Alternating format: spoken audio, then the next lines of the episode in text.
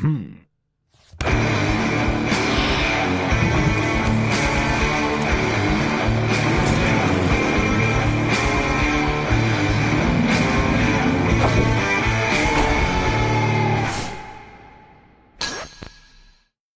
Dobrodošli u još jedan Agilast podcast, 26. epizoda, što znači da smo snimili 25 i, emitovali do sada, što znači da smo ispunili prvih šest meseci postojanja podcasta i za to kratko, vrlo kratko vreme postali smo najslušaniji podcast u Srbiji, jedan od najslušanijih u regionu.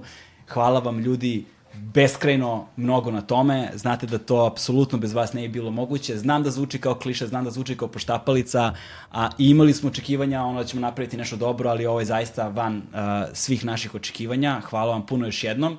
Um, samo da podsjetimo, ukoliko želite da podržite naš podcast, jer nezavisni sadržaj zavisi od vas najviše, um, tako, to možete da uradite preko jednokratnim donacijama preko Paypala uh, i možete da uradite mesečnom pretplatom preko Patreona, linkovi su vam u opisu videa svakako i veliki broj, ljudi, veliki broj vas nas pita, odnosno dobijam upite stalno uh, da li postoji način da slušate podcast na nekoj audio platformi, Takođe u opisu videa imate sve audio linkove koji su vam neophodni uh, od Soundclouda, Pocket Casta, Apple podcasta, Google podcasta i tako dalje, manje više gde god može se sluša podcast, osim Spotify-a i Deezera, ovaj, možete da čujete i nas, tako da nas potražite na audio platformama, nemojte da držite otključen telefon i da gledate ono sve vreme u ekran, možete da slušate dok vozite, dok trčite, dok se na traci ili šta god drugo da radite.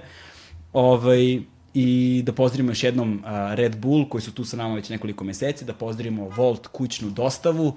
Ako ne znate, prvi put nas gledate ili slušate, da napomenemo da možete iskoristiti promo kod sa nazivom našeg podcasta Agilast ukoliko prvi put poručujete hranu preko Volta.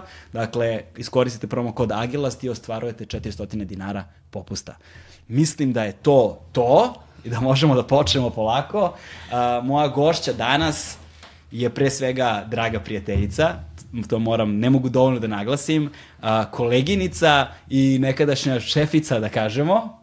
Ovaj, pa, mada nisam, si... nisam ti ja bila šefica. Nis, ja mislim bila da nisam. si urednica njuza, ali da, nisam ja bilo mnogo veze sa njuzem. Njuzom, ali si mi hjerarhijski si bila iznad mene, jel te? Ovaj, glavna i odgovorna urednica BBC Srbija, odnosno to se kod vas kaže... To se zove urednica servisa BBC News na srpskom, ako e, ćemo baš da, tako, tako, da, tako, tako. da poštujemo Aleks, sve. Aleksandra Nikšić. Um, I pričat ćemo, ima puno aktualnih temi o kojima bismo mogli da razgovaramo, ima jedna s kojim ćemo verovatno da počnemo, koja je u vezi sa knjigom koju sam izabrao, ali pričat ćemo u suštini, pre svega će fokus biti uh, na tvom uh, životnom putu, na tvojom razvojnom putu, na tvojoj karijeri koja je zaista ogromna, a ti nekako tako s, skromna kakva jesi, ovaj, ne ističeš se nikada u prvi plan i mislim da ljudi zaslužuju zaista da čuju tvoju priču. Dobro, samo odmah da ti kažem da bi sad ostao bez 100 dinara, zbog pošto fokus. si zbog fokus. Novinari u mojoj redakciji imaju ovaj, raz, ovako jelovnik koliko košta svaka besmislena reč i pogrešno upotrebna reč. I uh, krajem nedelje, obično petkom, ovaj, naručujemo klopu od toga što se skupi tokom nedelje. Koliko se skupi? Pa, boga mi bude, bude nekada za, na primjer, šestoro, sedmoro da se pojede. Ok. Pazi, i još ako su ješni, znači... Sve može. Znači da su floskule u svakodnevnoj upotrebi... Ovaj, vrlo česte. Vrlo, više nego učestale, jel te? Um, trebalo je da čitam uh, odlomak iz romana uh, Goli i mrtvi, odnosno Naked and Dead, jel te? Um, Henrya Mailera, ali... Normana. A, molim? Normana. Da, Normana, da, pardon, Normana Mailera, ali ovaj... Uh, Antikvarno je uzdanje u pitanju, ja ga nemam u svom vlasništvu, a nema da se kupi nigde, a, obaveze su bile takve da nisam stigao da obilazim antikvarnice, baš dugo nisam bio, ali sam izabrao nešto drugo s obzirom na to da znam da si veliki ljubitelj američkog juga, juga Amerike, izabrao sam a, a, uvek mi je nekako ružna ta reč spisateljica, ali ne Da, ali ne znam kako drugčije da kažem. Tru, da. Pisačica je odvratno da, da, da, još gore. Još gore, da, još gore. baš je rogobatno, ali nekako spisateljica baš deluje... Kao nešto neko, kao neka, neki krasopis, nešto, da. da, kao neka beletristika. Carson McCullers je u pitanju. A, ovo je njen prvi roman koji je objavljen 1940. godine, dakle prva polovina 20. veka, a, koji nosi naziv, ima malo isto kliša naziv, Srce je usamljeni lovac, ali nemojte da vas naslov zavara, ovo je genijalan roman, genijalan, možda jedan od najdivnijih romana koji sam pročitao svakako u posljednjih deseta godina, koji sadrži upravo tu atmosferu i taj duh američkog juga i ima pregrš živopisnih karaktera, počeši od ono dva lika koji su gluvonemi u selu i koji jedan je Grk, migrant, ili tako, ali meni najdraži lik uh, o kojem želim da, kojeg želim da pomenemo sada, zato što je dosta aktualna tema, je uh, dr. Bernard Copland, uh, levičar, uh, marksista, uh, komunista, znam kako god hoćeš, na američkom jugu početkom uh, u prvoj polovini 20. veka, što je dosta zabavno. I uh, ima sina koji se zove Karl, Marx. Ove, ovaj, I sad u ovom jednom delu, uh, kada on razgovara sa svojim čerkom Poršom, uh, kod kuće, uh, raspravljaju o jednom prevarantu koji je živeo kod njih u selu i koji je bio uhvaćen. I ovako teče razgovor. Jeste, potvrdila je Porsche. Neko je raskrinko tog gospodina Masona i onda su ga uhapsili. Saznali su da je iz Atlante. Taj nije ni prismrdeo Vašingtonu, a kamoli predsedniku. Sve pare je ili sakrio ili ih je spisko. Vili je tek tako bacio 7 dolara i 50 centi što je za siromašne crnce sa američkog juga u to vreme bilo mnogo, mnogo, love, mnogo love. Doktor Copeland se uzbudio.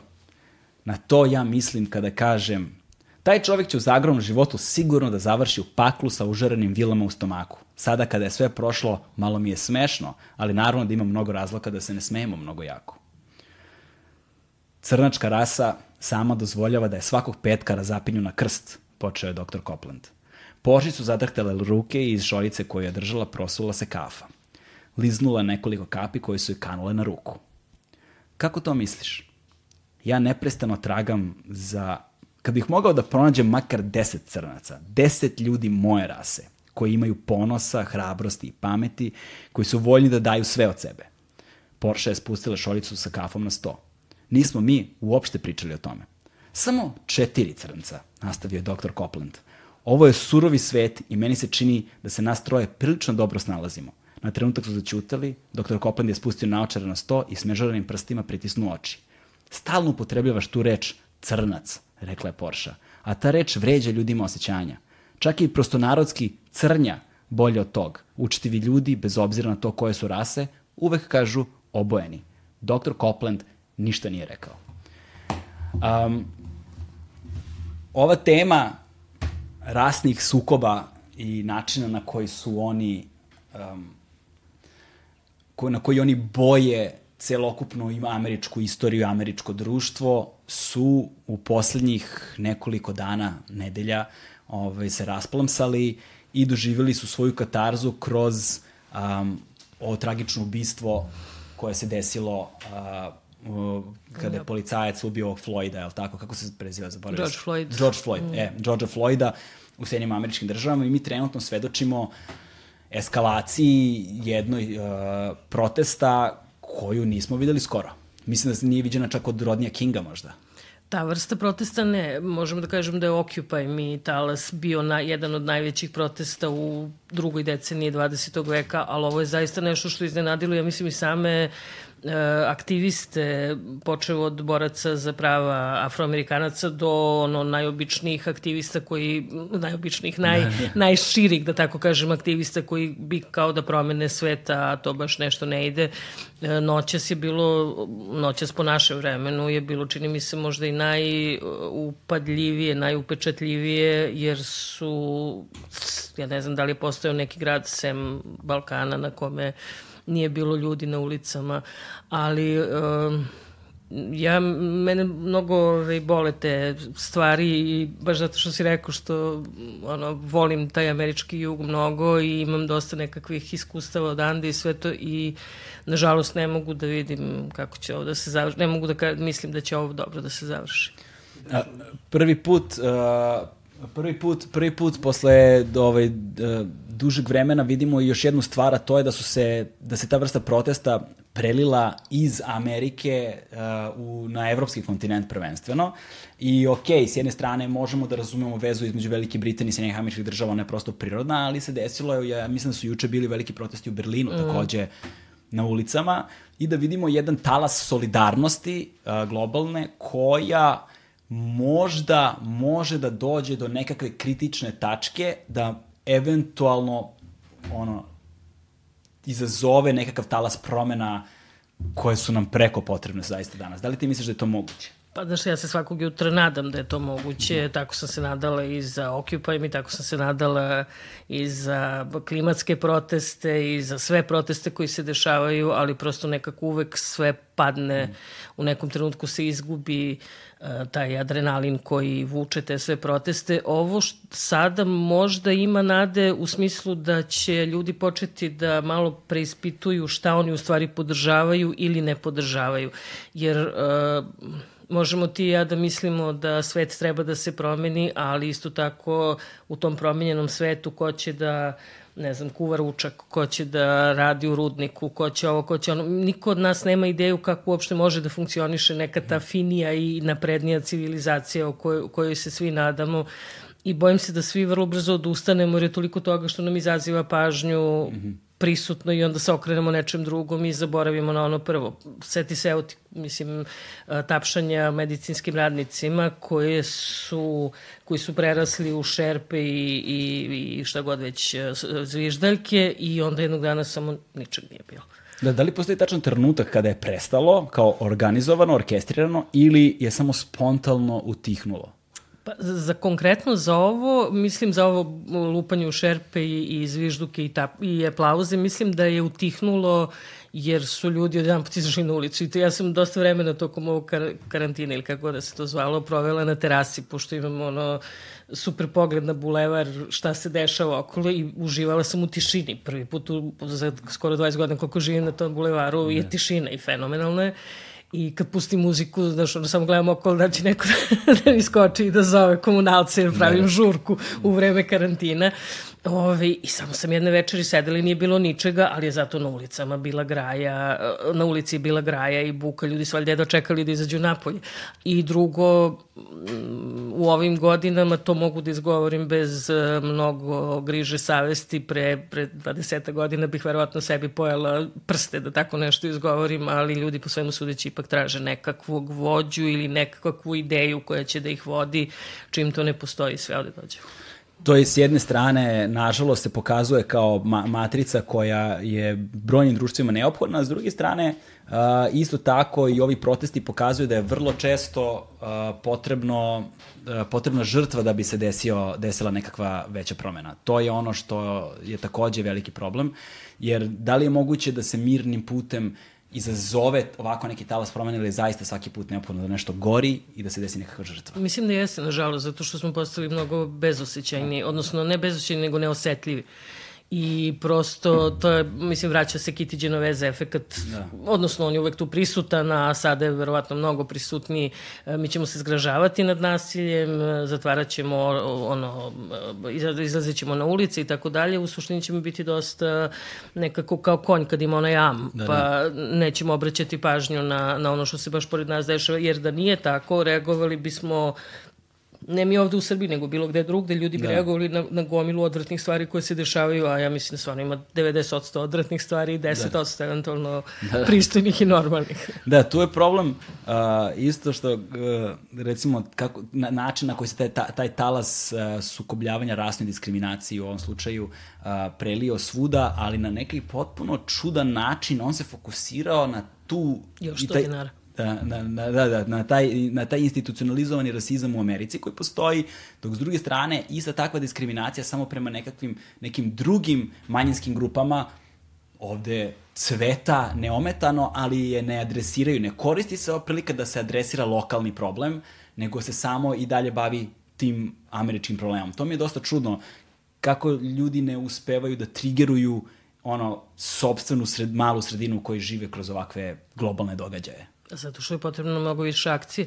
Ne. Da. Jer ti da bi se posvetio nečemu što se dešava u tvom dvorištu, moraš nešto i da uradiš, ili tako? Ne. Da. A ovo možeš da podržavaš i da se baviš. Mislim, žao da, mi što zvučim ovako da, da, da. cinično, ali zaista jeste to slučaj. Da retweetuješ i da besniš online kako hoćeš, ali ne donosiš zapravo nikako. Ok, i to, ja, kao što znaš, ja sam vrlo bila grozna prema tim društvenim mrežama i mislila sam da su oni jedan od uzroka naše lenjosti, bilo fizičke, bilo mentalne, naše sporosti u reagovanju i tako dalje, jer super je da klikneš i da sve bude gotovo. Međutim, kako vreme prolazi, shvatam da i da i ta zajednica ima neku svoju moć. E, jedino što se nikako ne dešava ili se vrlo redko dešava da se ta moć prenese i na neki stvarni život.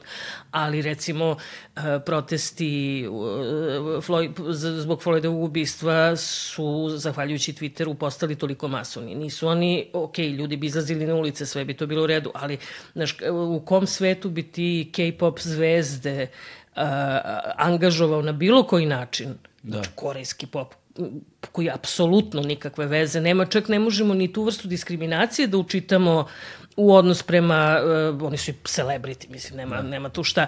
Oni su uspeli svojom ono, ma, masovnom akcijom da, da njihovi fanovi na Instagramu, Twitteru i Facebooku prosto unište ovaj, uh, hashtag koji su koristili na konzervativci i rasisti i znači može, nije, nije to sporno, samo što nekako nikako da dođe do te žiške koja će sve to da pokrene. Ali kod nas mislim da je mnogo veći problem uh, i opet ja kad govorim kod nas, ja mislim na ceo Balkan i ovaj, bez obzira što bi, takvi stavovi često izazivaju kritike i sve ostalo, ali ja ne vidim baš puno razlike u uh, s razmišljanjima, shvatanjima, društvene organizacije, bla, bla, bla, svih zemalja na Balkanu. Prosto previše dugo je to sve bilo isto da bi sad jedan put bilo puno razlike. Mislim da je mnogo veći razlog našoj nekoj balkanskoj, da kažem, lenjosti, da se pokrenemo uh, i da nešto tu uradimo. Uh, najgora floskula će sada biti izgovorena u ovoj emisiji, verovatno za sva vremena, ali 90. Ono što se dešavalo ovde. Da jednu teglu ovde da stavimo novac, mislim da ćemo sakupimo za klopu, za celu ekipu do kraja podcasta. Sigurno, sigurno. Ali, uh, znaš, mi se posveđamo uvek kogod naći ćemo jednu tačku iz tih 90-ih oko koje ćemo se posvađati. Znači, mi nismo razradili ono što je naša glavna muka, kamoli da idemo negde dalje. Drugo, uh, ja u tu muku najveću ubacujem i naš odnos prema, ja ne volim da koristim izraz manjine ili ovo ono, prosto drugačiji. Mislim da je lepše da se kaže prema onima koji su drugačiji od opšte ili većinske zajednice na bilo koji da. način. Da.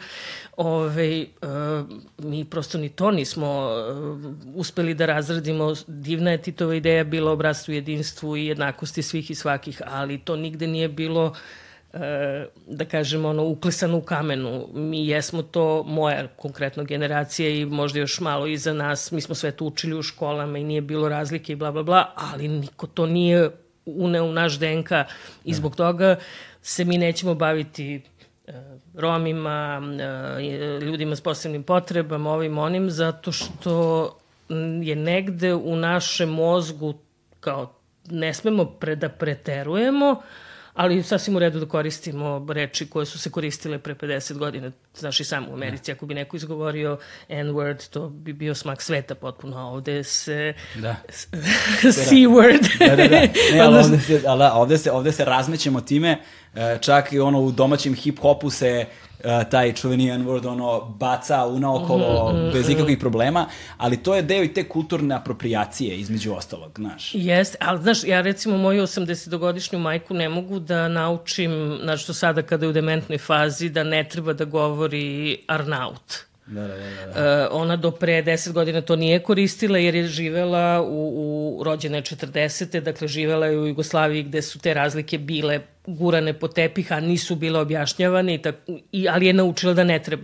Ali sad kako se vraća u neku svoju ne znam da li to da nazovem primalnu fazu kada više ne može da zaključuje naš Arnaut je ne, nije na, na stranu to što je uvredljivo i što je diskriminatorski i tako dalje, ali to je prosto reč koja je 19. vek. Da. Ali kako ja sad njoj to da e, objasnim da to ne treba da se govori kada je ona okružena informacijama da. koje stižu sa svih strana koje vrlo bez ikakve ograde koriste neke druge reči Da, mnogi, mnogi mladi danas siguran sam da više ne znaju ni šta znači, Verovatno. šta znači reč Arnaut, s jedne strane. A s druge strane, kad smo već kod toga, um, jedno, jedno, jedno lično iskustvo mi je dosta davno prilično oslikalo ovaj, dubinu tog problema. A, dovodili smo neke prijatelje a, sa Kosova, Albance, u Beograd u okviru nekog programa za nešto. I imali smo ogroman problem kao ja, znaš, da li će možda biti neki problem sa njima, znaš, mm -hmm. kako je sad, šta, nikada nam se tako nešto nije dešavalo, prvi put je, i sad smo mi nešto tu bili posebno pažljivi i preplašeni, uh, prilično, uh, prilično, prilično neopravdano, moram da priznam. Ali ono što nam se desilo, jeste da kada su, kada su došli, 90 procenata, ajde da sad ne kažem svi, uh, niko nije uh, prepoznao albanski jezik. Znači, kako, nikom, a kako će da ga prepozna? Da, to, znači... Kako je čuo u životu? Nikad. To, nisu nikada zapravo čuli Albanci kako govore. Kao ni ideš ulicom i ljudi ne znaju da prepoznaju albanski jezik i onda ti imaš, onda ti se otvori kao cela ta jedna dimenzija, wow, kao kako je moguće da postoji ono, ne znam, mržnja prema celoj jednoj na, ne znam, naciji, kulturi ili čemu god, da kao ne znaš ni kako jezik zvuči. Potpuno neverovatno. Tada sam prvi, to je baš dosta davno, bilo imam 15 godina tome više. I tada sam počeo da razmišljam o tim stvarima u našem najbližem okruženju na taj način. Ali to, to, si, to si mogao da imaš prilike kada je krenula, da, da osetiš kada je krenula migrantska kriza, odnosno ja ne volim da zovem migrantska izbeglička je prava reč, ali ajde da budemo politički korektni, da ne idemo baš ne. do kraja. Ove, ovaj, prvih onih koliko, možda 6-7 meseci, e, Balkan je bio nekakva, ne znam, svetla tačka, kako smo se divno ponašali, ne znam, ovo ono, i jesmo, činjenica je da jeste bila, da su se ljudi otvorili i tako dalje, ali Dobro se sećam kada je jedna od uh, ovih aktivističkih uh, organizacija neformalnih koje pomaže migrantima nisu mogli, da, devojka zvala i kaže ili imate vi prevodioca za pakistanski jezik.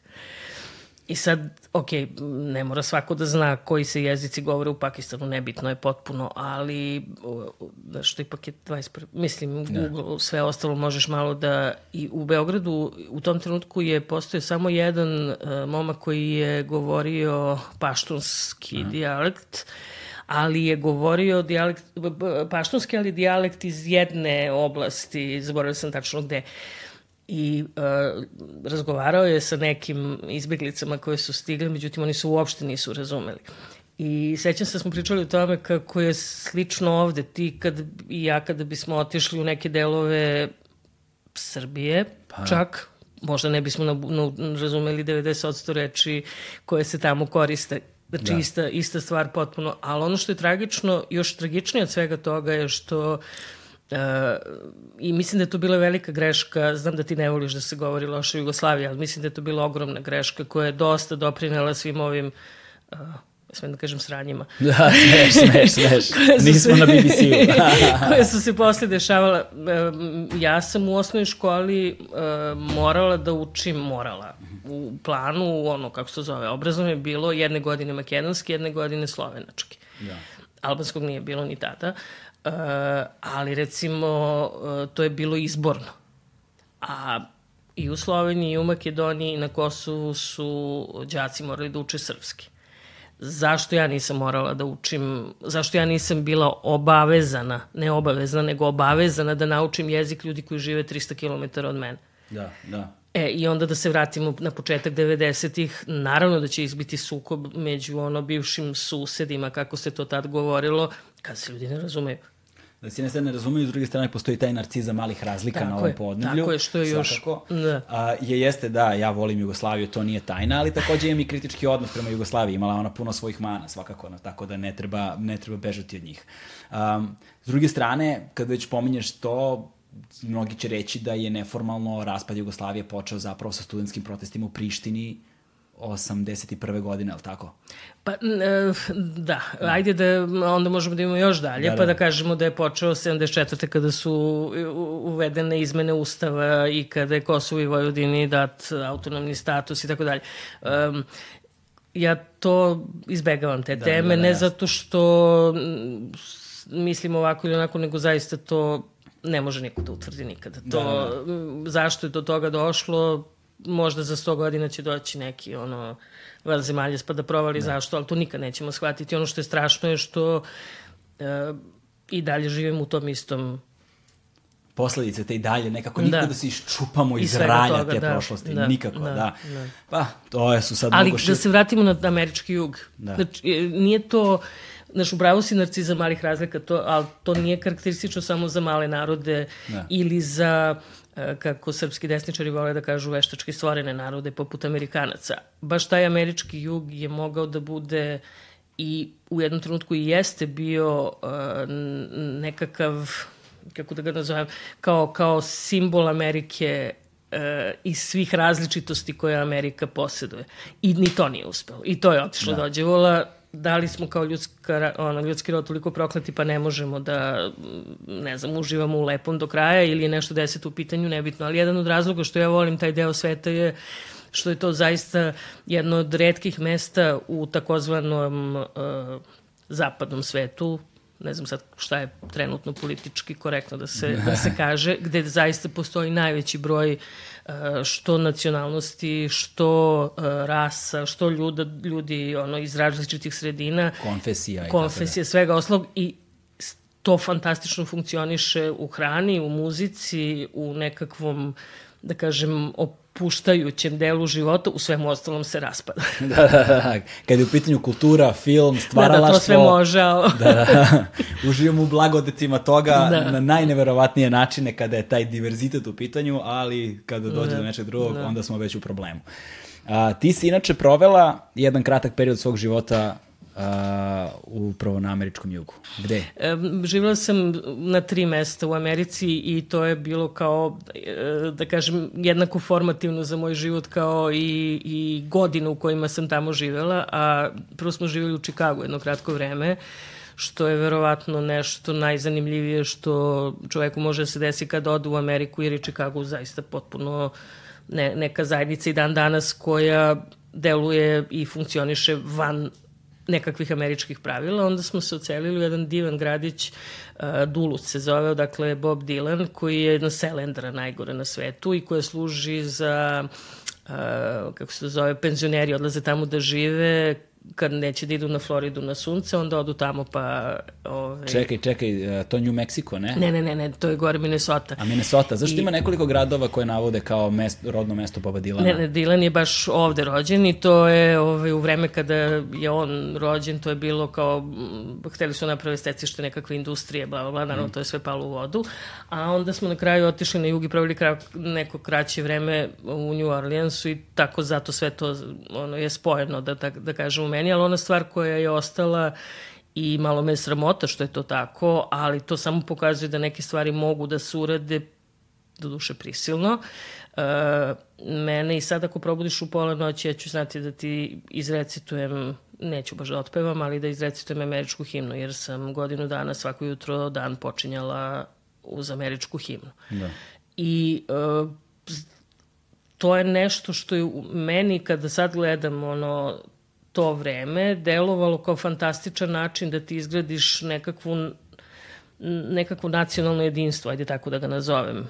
Da prosto svi prvenstveno budu Amerikanci, a posle možete budete šta god hoćete, nije bitno, ali ovo jednostavno mora da bude tako.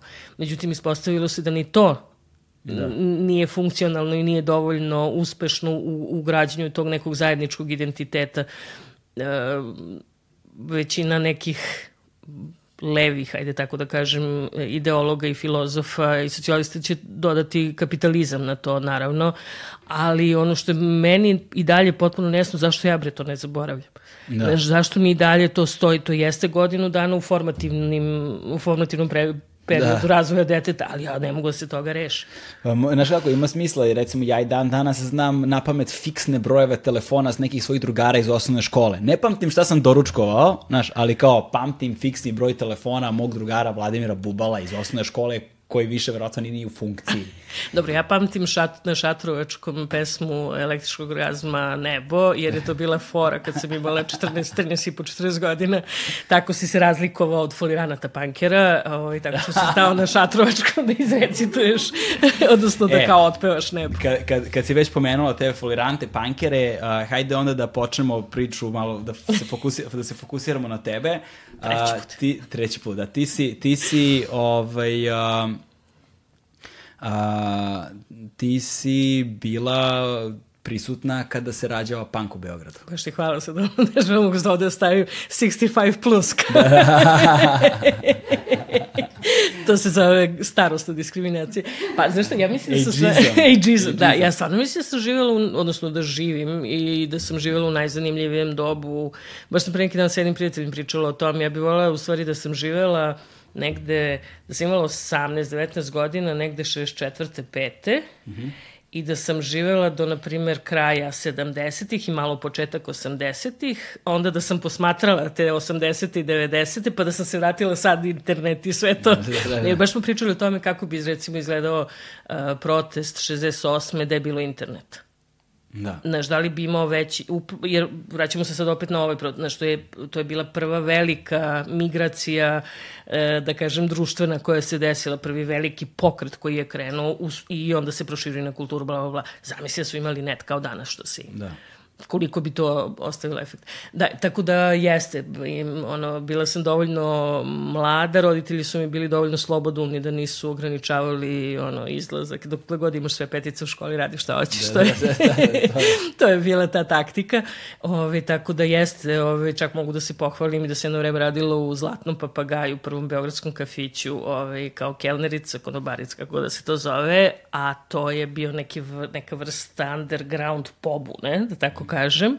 Znači, radim na tom kao šminkeraju i onda te pare koje oduzmem od ovih što dolaze šminkera, onda trošim na naše pankerske e, zabave ili šta god već da smo u tom trenutku radili. Um, kad, kad si promenila već 68. pa se vratimo na pankerske dane, e, da li je za tebe 68. bila uspešna ili neuspešna revolucija?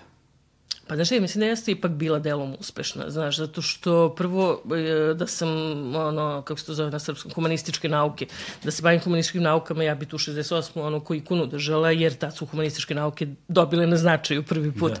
A drugo, mislim da jeste, jer su tad ljudi, ne samo o, u svetu mnogo više, odnosno, nažalost, znamo za svet mnogo više nego što znamo za Balkan, uh, vrlo se malo ljudi ovde bavilo u tom 68. E, što je greota, jer je to dosta bio veliki prevrat, da tako kažem, u, u funkcionisanju SFRJ, ali nešto ne vidim da je to istraživačima zanimljivo.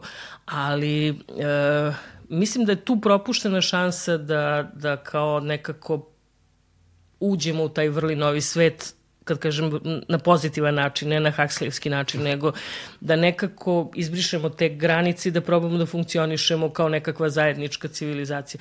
I drugo, znaš, ne, ne, ne me zaboraviš, u to, to doba su se desile neke stvari koje su i dan danas viđene kao prekretnica, počevo od, ne znam, spaljivanja Bruce Haltera do um, Woodstocka, do ono, javnog i opuštenog korišćenja droga koje su nisu u to vreme bile zloupotrebljavane, prosto je bilo avanturistički je bio odnos prema svemu tome što ja mislim da je jedini način da dođeš do napretka ako, ako ulaziš u celu priču kao u neku avanturu, a ne sa nekim ograđenim pravilima koje moraš da poštuješ. Da, desila se definitivno nekakva promena svesti, da kažeš, ono, globalno posmatrano, a, u mnogim aspektima individualnog i društvenog života čovek je. je otišao napred. Posledno s tom generacijom koja je nosila zapravo tu 68. i pozdrav za ono tonca uh, Grateful Dead. da, da, da, da, da, da, da, da.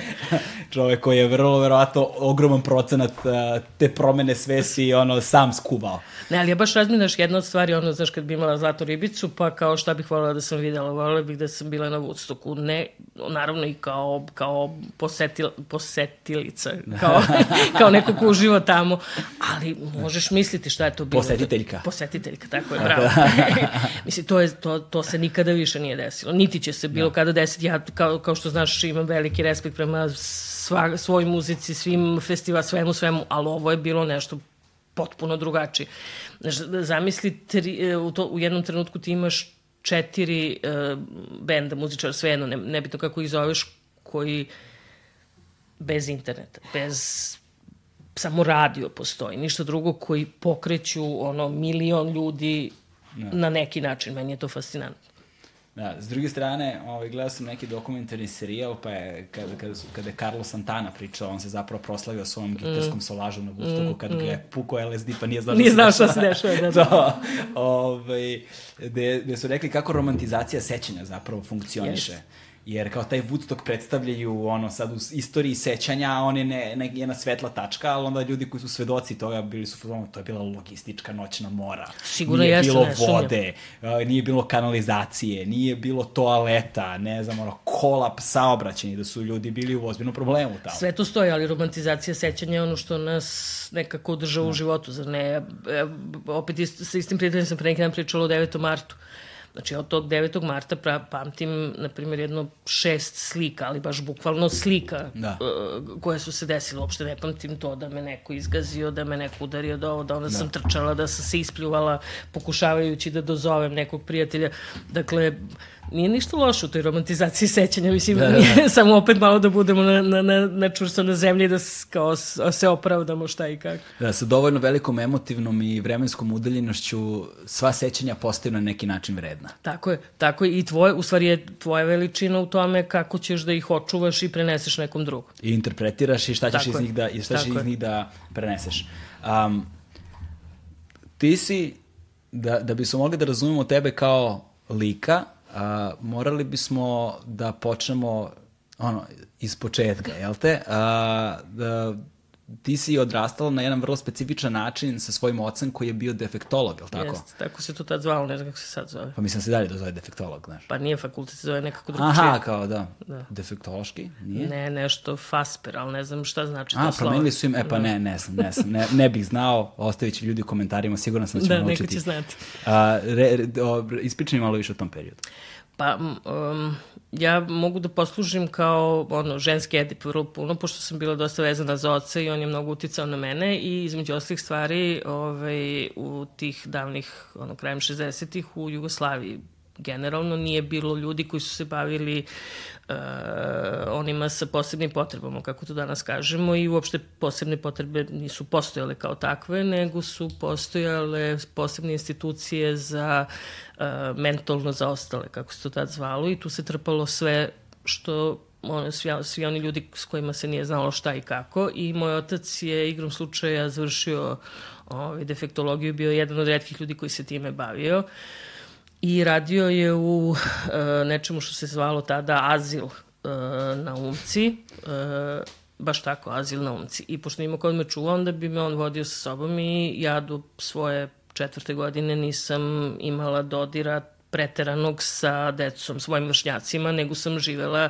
sa drugarima iz tog uh, Mislim, sad mi je glupo što moram govorim azil, pošto je meni to bilo naravno Da. da. potpuno fenomenalno, a mislim da je i njima od, odgovaralo da žive na taj način, jer bi svaki drugi način života bio mnogo teži, mnogo da ugrožavajući, ako može to tako da, da se kaže. Jer ovo je bila, pa ne, ne ugroženiji, nego više bi ih ugrožavao. Da, da. Jer ovo je bila jedna velika, jedno veliko poljoprivredno dobro gde si ti mogao da landraš uh, po Da. da. prirodi i tako dalje. Tako da je moj najbolji drug imao, bio je Daunovac, to sam naravno kasnije saznala, i imao je u tom trenutku 27 godina i govorio je francuski. Da, sve sjajno. I to je bilo fenomen, na kraju se ispostavilo da je on poticao iz neke fancy beogradske porodice, da je bila neka francuska dadilja i da je koja njemu se obraćala na francuskom i zato je znao samo to i ništa više i tako dalje. Tako da moje detinjstvo bilo dosta nekonvencionalno, onda je usledila ta Amerika,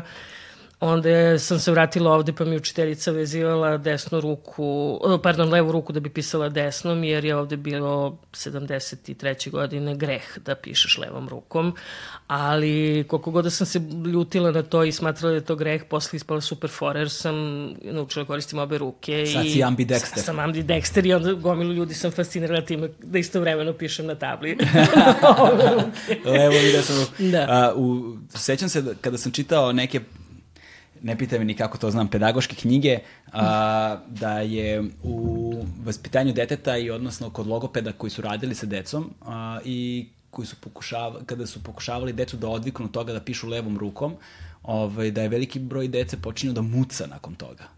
Da je to kao bila neka nus pojava. Treba Kako ti kaže, ja nisam srpski ni znala ni da pričam, jer sam došla da. iz Amerike. to bi bila veća drama nego kojom ću rukom da pišem, da, da, da naučim. Da, da, da. Jer ja sam, ono što sam znala uh, srpskog, sam sve zaboravila dok smo bili u Americi, dok sam se vratila ovde. Pored te drame mi je bila i velika drama, jer su mi se svi smejali što sam nosila starke, uh, jer su tada ovde bile glavni hit takozvane šangajke, a starke su bile patike za siroma. Mislim, mi smo bili sad nešto dramatično siromašni, ali nismo imali love u toj Americi, onda da. odeš u preteču Walmarta i kupiš pet pari Starki za 10 dolara i meni to trajalo.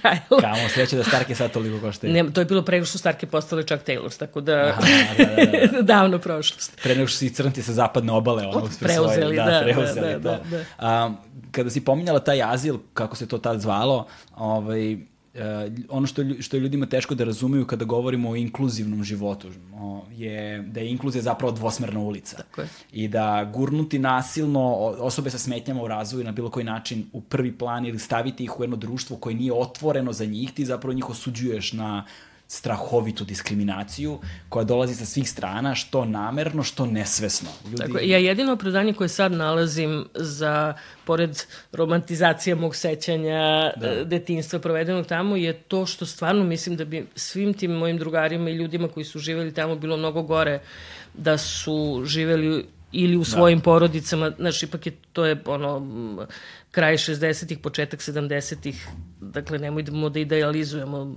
porodice su tada svoje bolesnike trpali u zaključane sobe, a kamoli ljude koji su bili drugačiji na ovaj ili na onaj način, tako da, da. zato mislim, koliko god je bilo siromašno, koliko god je bilo ograničavajuće, koliko god je bilo to što ti kažeš smeštanje na jedno mesto, ipak imam nekakav utisak da znaš, 30 godina kasnije sam otišla u e, Kulinu, u ovaj dom gde su deca sa poteškoćama u razvoju koji finansira država, pomaže Evropsko, sve što hoćeš.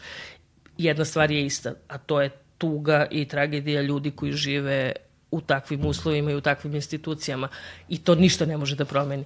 Da. I a o, ovo čega se ja sećam je ipak imalo nekakvu minimalnu, minimalnu dozu slobode u smislu da zato što je bilo dovoljno ljudi koji bi se bavili time, koji nije bilo da. znanja i tako dalje, je postojala nekakva nekakva poluinstitucionalizacija među njima samima, što je bilo potpuno fantastično da, da. i što možeš da vidiš da su neka od iskustava, iskustava koje se sad primenjuju u, u ovim zajedničkim stanovanjima, u inkluzivnim poslovima i tako dalje. Ali ono što se nikada nije promenilo, niti će se promeniti, to je naš odnos prema tome, jer mi i dalje uh, prvo što ćemo da uradimo, zatvorit ćemo oči, pa ćemo onda sve ostalo. I to je ono gde se sad vraćam kad smo počeli sa pri, priču o Floydu sa protestima i kada smo počeli priču o diskriminaciji, jeste što ljudi ne razumeju, ne razumeju da je diskriminacija jedna, ali ima mnogo pojavnih oblika. Ona može da bude rasna, ona može da bude rodna, ona može da bude o, u odnosu prema osobama sa inval, nekom vrstom invaliditeta ili s intelektualnim smetnjama i tako dalje. Dakle, to mogu da budu ljudi iz drugih konfesija, iz drugih kultura, drugih etničkih, ras, nacionalnih pripadnosti, dakle, diskriminacija zaista ima pregršt pojavnih oblika i znači, jedan taj trigger bi trebalo da bude nekakva inicijalna kapisla, nešto što bi onda povuklo taj domino efekat da mi možemo da se osvrnemo na sve to ko sebe i posmatramo koliko zapravo neprivilegovanih u društvu u kojem živimo danas, našem ovde sada ima. Tako je, ja mislim da je osnovna da kažem, da, da bi nama, ne, ne znam, nisam sigurna da ću uspeti dobro da formulišem, ali mislim da ne treba više da govorimo E, toliko puno o, o diskriminaciji zato što ljudi pogrešno shvataju tu reč. E, ja mislim da je sve pitanje privilegije. Ja sam privilegovana time što sam imala mogućnost da učim, a moja drugarica nije bila tako privilegovana. Ona je, dakle, i diskriminisana, a ne mogu da kažem da, da neko treba da bude kažnjen zbog toga, što je ona tako na taj način bila diskriminisana, ali jeste činjenica da nije imala privilegiju. Ja nikad neću znati kako se osjeća George Floyd dok ga bije policija i dok ga ubija, jer nisam crna i nisam imala takav dodir sa, sa policijom, ali znam kako se osjećam kada me Pandur Pendrekom udari po leđima. Da. I na toj nekoj osnovnoj ljudskoj osnovi, ono, zajedništvu ljudskom, ja mogu da prepoznam taj strah i tu, tu tragediju, ne tragediju, nego taj užas koji se njemu dogodio i zašto postoji takav odnos prema policiji. Ali ja ne mogu da kažem, ne mogu da stanem iza All Caps are Bastards, ne zato što to ne mislim, nego zato što i na taj način njih Da. one koji su ok, diskriminišem i oduzimam im privilegiju to protect and serve, jer je to osnovna stvar. Tako da mislim da svi moramo malo da preradimo i da promislimo da. kako se prema tome odnosimo.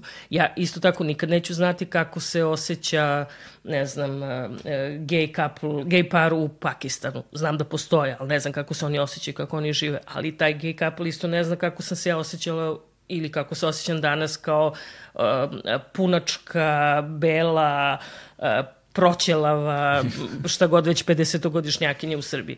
Znaš, ja ja ne treba ovako da izgledam u Srbiji i, i po, mislim, ovo je sad naravno da svako može sad da skoči i da kaže da izjednačavam neizjednačivo, ali upravo je to cela poenta. Što mislim da moramo svi dobro da razmislimo o onim osnovnim stvarima da. koje moramo svi da imamo, pa onda idemo da nadgrađujemo dalje. Kako da negujemo različitosti u suštini tako i da prema njima imamo tako zdrav je, odnos. Zdrav odnos, ništa više. Ništa više, da. I kako bi sve bilo lakše kada bi ono, ceo svet započeo na taj način. Jeste, ali to... S druge strane, ovaj, te, taj početak panka, ovaj, te godine početka panka i te godine čuvenog Londona, a, koje su u velikoj meri definisale a, subkulturu i mainstream kulturu koja se desila u Jugoslaviji je, je vrlo zanimljiva. Beograd je vrlo zanimljivo žarište tu, jer s druge strane nekako ne, Hrvat, Hrvatska je uvijek bila bliža Nemačkoj, nekako taj ne, germanski uticaj je tu bio, a London je bio Beograd.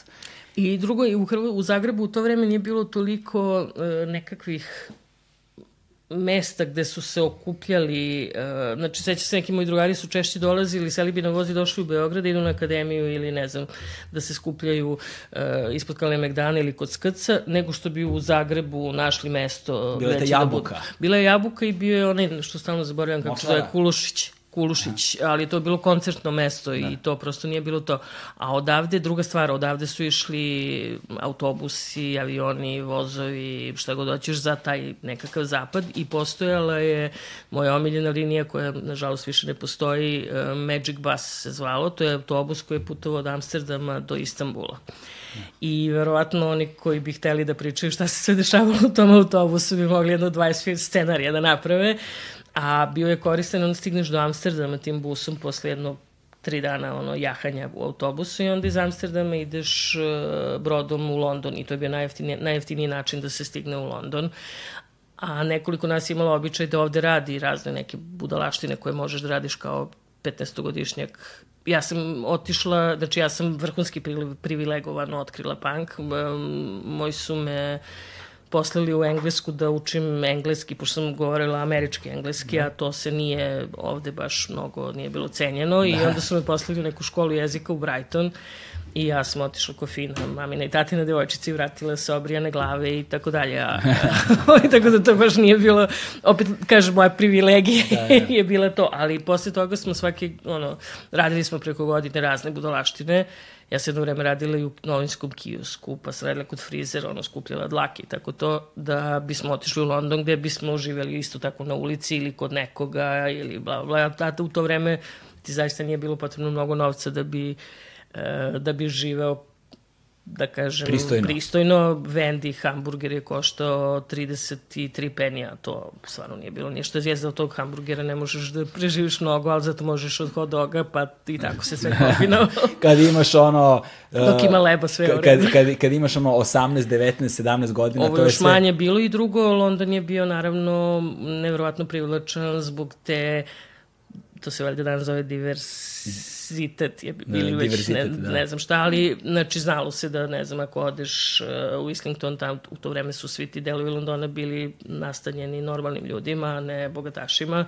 Znači u Islingtonu su bili, uh, Azija je bila deo azijske hrane, pa onda odeš na Notting Hill gde nije bilo ničega sem ono, masale koju osjećaš od svuda, nijedan drugi začin ne postoji, ništa se ne čuje onda, ne znam, u Hakniju je bilo sve moguće arapsko što možeš da zamisliš od, od hrane, tako da si mogao da upoznaš svet, jel te, na, na jednom da, mestu. Da, no, sad si mi posle kad si rekla Notting Hill, uh, setio sam se onog filma Notting Hill kao najdebilniji prevod uh, sa strano, stranog naziva filma na srpski jezik. Uh, Notting Hill su preveli Ja u ljubav verujem. To Svarno? mi je ono, da, mislim da tako prevede na srpski. Znači, ako grešim, ispravit će me ljudi, ne sumnjam, ne sumnjam u to.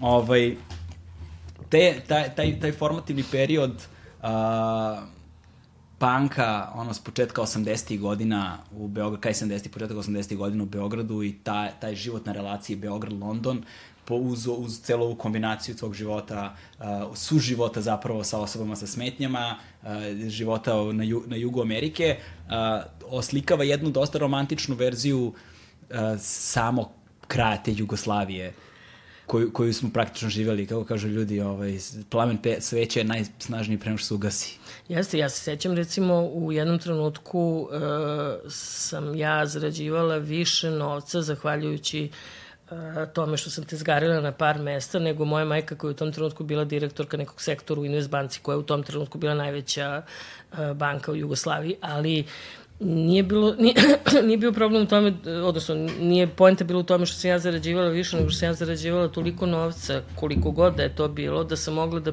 priuštim sebi da ostvarim ne ono što želim, nego i najveći hir koji sam imala u tom trenutku. Jer većina tih stvari koje sam radila tada su bile hir. Mislim... Koji je bio najveći hir koji si imala u tom trenutku?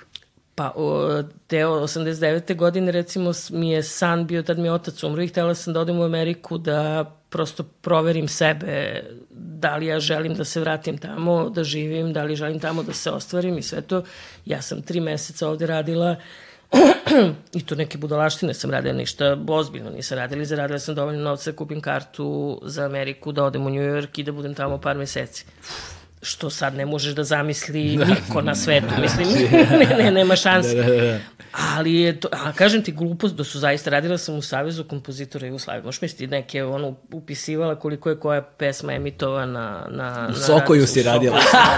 Znači, najgore, pa i od tih, pa, i to sam radila, uh, uvek smo radili od, uh, ja mislim da je po, polovinom novembra krene tezga, i traje negde do posle nove godine, ako se ja dobro sećam, ili možda februara, a, to je, znači dobiješ ovako fascikle prepune, a, napisat će mašini otkucanih ili rukom napisanih košuljica sa radio stanice iz cele bivše Jugoslavije. I ja sam imala, na primjer, tri slova, e, između ostalih god, dve godine zaredom je zapadao Benny King, Stand By Me. I imaš ovako jedan karton na kojem piše King i Ben, Stand By Me, e, transkribovano i ti onda tu zapisuješ da li je pesma puštena 3 minuta ili manje od 3 minuta, u zavisnosti od toga će Ben i Kingu biti uplaćena nekakva autorska prava, možeš misliti kako.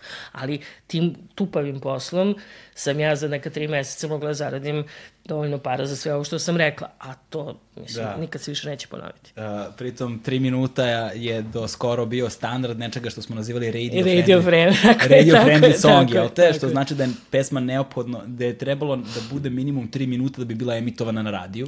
A, a danas kada pogledaš a, Billboardovu top 10 listu, više od polovine pesama koje su top 10 je kraće od 3 minuta. Kraće od 3 minuta. Ali to je sve kao i što, ono, znaš kako je krenulo, sad malo skačemo s teme da, na da. temu, kad sam počela da radim u agenciji France Press, tamo sam radila pre nego pre Vajsa ovaj, i um, agencija je jedna vrlo onako, za novinare to super stvar, jer to zaista naučiš sve vezano za novinarstvo, ali ima dosta nekakvih uh, krišeja i nekakve standardizacije koje ti je potrebna kasnije u životu, ali prosto ne obraćaš pažnju na to. I sad, ne znam, imaš, uh, to se zove slag, ono gore, ne znam, da, da. svet, uh, Srbija, politika i onda imaš kratki naslov i dugi naslov. Kratki naslov mora da se nekada, je mora da se vidi na tele printeru, pa posle na ovome, na onom i na kraju smo od naslova koji je smeo da ima 120 karaktera stigli do toga da naslov mora da ima 33 karaktera da bi da. se video na mobilnom telefonu, da ti ne bi slučajno povredio svoj palčić dok malo scrolluješ više,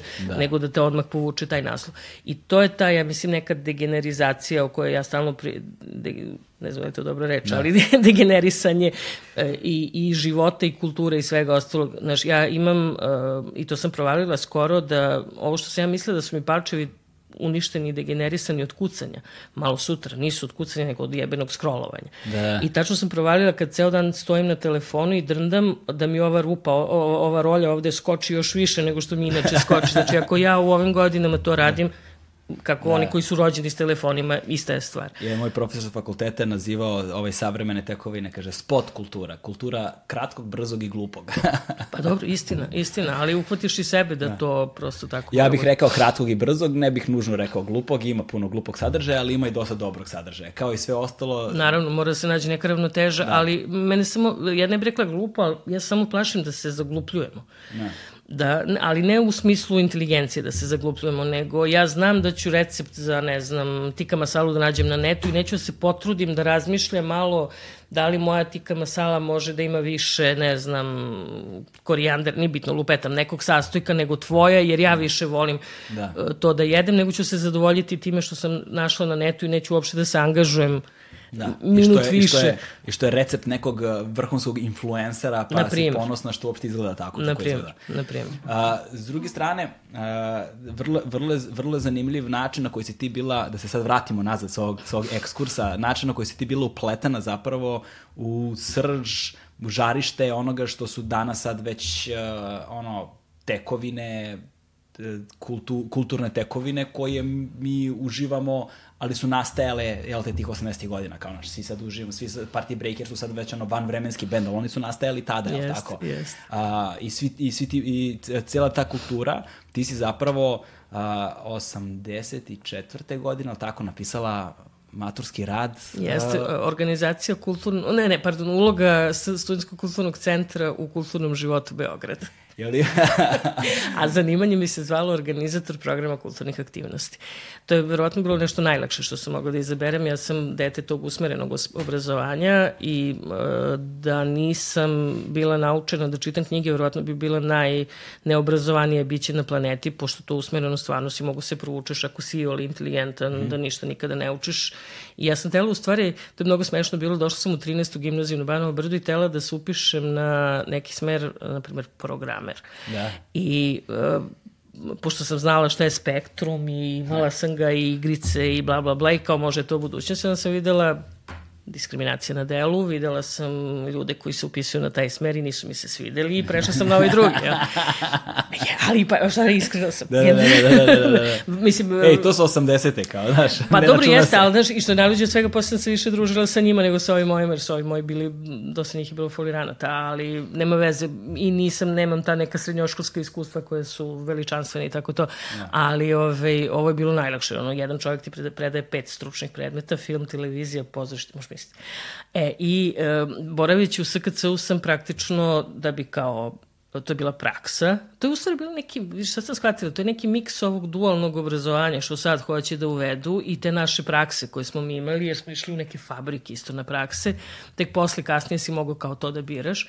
E, I ja sam, na primjer, šest nedelja recimo bila na praksi u SKC-u, mislim, ne. ne radeći ništa, već upijajući sve ono što se tamo dešava i bukvalno sam, mogla, sam na neku, neku ruku bila svedok svega što je u tom trenutku nastajalo i uh, srećne galerije i ono Grge i Bobana i Pece i svih ljudi koji su se tamo kretali ovaj, ali sam nekako baš zbog tog svog um, ne znam kako izvučenog života, da tako kažem, ovaj, dosta sam bila pobegulj, jer ja sam odlazila uvek meni je bilo važnije da provedem to leto u Londonu ili kasnije posle nekim drugim gradovima, jer me to napajalo za onih sledećih e, da. nekoliko meseci. Ali ono što mi bilo vrlo čudno, to se potrefilo, završavanje srednje škole se potrefilo s tim da uh, sam imala priliku da se odvojim od roditelja to, te jeseni i e, neki, imala sam neki jednosoban stan, to je moja porodica imala neki jednosoban stan u koji se ja mogla da se usilim u onim odvrtnim soliterima na Crvenom krstu,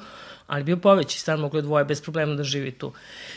I ja sam došla kod mojih i rekla im da hoću da kao živim sama, oni su rekli dobro, super, ali ovaj, kod nas može samo nedeljom na ručak i to je to, nećemo nikako da ti pomažemo, što je meni bilo cool, takav smo odnosi imali i ranije. Ja sam išla od čoveka do čoveka koga sam poznala da ih pitam da li bi neko hteo da živi sa mnom u tom stanu i niko nije hteo. I to sad gledam, to mi je sad strašno zanimljivo, to sad gledam kod ovih mlađih ljudi, jer mm, imam tu sreću da radim sa mladim ljudima uvek uh, poslednjih deseta godina, ni kod njih nema toga. E, znači, ok, odlaze od roditelja više nego što se odlazilo u moje vreme, ali nema tih nekih friends da. varijanti, da se sad naš četvoro skupimo i da živimo zajedno i da delimo troškove. Ne znam da li je to karakteristično za podneblje u kojem živimo, ali meni recimo ja sam te uh, postformativne godine, šalim se, ali taj, taj period i panka i nove muzike i svega toga u tim gradovima u koje sam odlazila, provela sa ljudima koje sam videla tada i nikad više. Da. Živeći po skvotovima, živeći u nekim stanovima loše kvaliteta, menje, tad nije postojalo, nik, nije bilo naravno ni kreg liste, niti ničeg takvog, nego je postojala oglasna tabla na portobelu gde se zapisuje uh, ko ima slobodan prostor ili ko zna za slobodan skvot. I desilo se recimo jedne godine, mislim da to je bilo na primjer 83. da je nas petoro šestoro uletelo u neku kuću iznad Portobela koji tada još uvek nije bio ni malo fancy, ali se znalo da će se nešto graditi, menjati, bla, bla, bla i proveli smo neko vreme u toj kući dok nas nisu izbacili i otišli posle negde drugde i dve godine kasnije ove, ja dolazim i ne mogu prepoznam kraj potpuno izgleda drugačije, naravno jer je već krenulo uh, nije fazon uh, renoviranja kao što se ovde radi, ali da. se te kuće ostaju iste, ali se obnavljaju i kaže mi neki tamo tip kojeg sam srela, kaže, ja e, dve kuće odatle kupila Madonna. Tako da sam ja u suštini mu kaže, sam bila komšinica Madonna. A, da, e, Madonna je manje impresivna za naš razgovor, više mi je impresivna činjenica, recimo, si bila na poslednjem nastupu Satana Panonskog u Akademiji, ili tako? Da. Da. Znaš, od, od, od tih kulturno značajnih događaja koji su se dešavali tek 80. godina, ali ima nekih koje bi mogla da na, na, ono, navedeš kao, kao wow momente koje pamtiš? Pa taj Satan Panonski, ali više tragično, da tako kažem, jer je se videlo da mu nije dobro i da je to da je morao da uradi sve to što je radio na, na, na tom nastupu, dakle to i sečenje i sve ostalo, jer prosto nije imao kome da se obrati za to što mu treba. Bio je jedna od stvari koja je meni bila neverovatno bitna, uh, i zbog toga sam večno zahvalna Kepi što je ponovo doveo taj bend ovde, nastup Trobicovih krušnih peći. Ove, ovaj, to je bend koji sam najviše volela od, ne najviše, ali među tri omiljena benda iz te ex-jugoslovenske. Luna?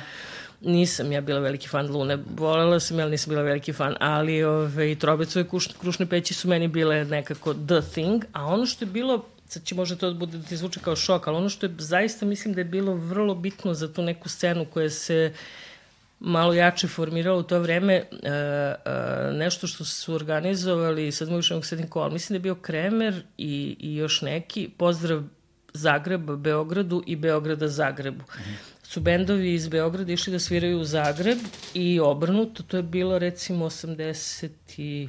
6. godina mm -hmm. i to je zaista bilo nešto što je mnogo više ujedinilo ne samo nas kao fanove i slušalce i bla bla bla, nego i te bendove i te ljude među sobom. I da, naravno, imala sam tu, to mislim da je zaista nešto čime mogu da se ponosim. Ne znam da, da li ima toliko puno ljudi koji je slušalo Sherlock Robotu, ja imam to iskustvo, tako da... I disciplinu kičme sa dva bubnja u pozorištu uh, KPGT, ali malom pozorištu KPGT, čekajući Godoa uh, Keles bio na krovu i svirao bubnjeve, koja je svirao bas ovde, a Ljuba Tadić i uh, Sonja Knežević su ovaj, glumili i to je iskustvo koje nikad neću zaboraviti. Um, da polako privodimo kraju taj romantični period uh, uh, pred raspad Jugoslavije ovaj, s tvojim prvim odlaskom na more. A setio si se? Da, naravno, setio sam se. E, kisele vode sam, da ne znam. E, pa dobro, to mislim da smo u Americi, to bih verovatno, ili negde na zapadu, to bi verovatno bio blurb za knjigu. A? ili ne znam, tagline za tvoju emisiju za reklamu. Pa, ali nije baš sad mnogo čudno jer smo dosta toga ofirali do da. sada, ali znači ja sam imala taj, to čudno detinstvo, čudno odrastanje da. i kad sam prvi put išla Dakle, moji roditelji su me puštali da idem da god hoću i kako god hoću, ali su imali, Ćale imao taj trip da mi objasni da. ovaj, šta treba i kako treba. I kad sam London i to sve im nije, mu nije bilo problematično, bilo mu je problematično kad sam prvi put išla na more sa društvom, možeš misliti u e, neku selo kod Dubrovnika, ne mogu kako se zvalo. I ovaj, ja i dan danas ne znam da li je to stvarno bilo ili nije, ali on mi ovako poređao na stolu uh, joint, pa neki prah, pa neke tablete, pa neki drugi prah, pa neki kao pločice recimo i rekao mi ovo ti je marihuana, e, od toga će da ti bude tako i tako, ne možeš da se navučeš, ali možeš da, može da ti bude muka, kad to uzimaš nemoj da piješ i tako za sve. Da. I objasnio da je na kraju došao do tog nekog praha i rekao ovo je heroin, to je najgore stvar na svetu, ti si dovoljno inteligentna da ovaj, nećeš da poklekneš, bilo bi ti super, ali bi posle najbali i tako to. Ja kažem ti dan danas ne znam da li je to stvarno bilo to ili nije. ili je samo za sodu bikarbonu. da, da, da. ili neki ono čaj pa poređao.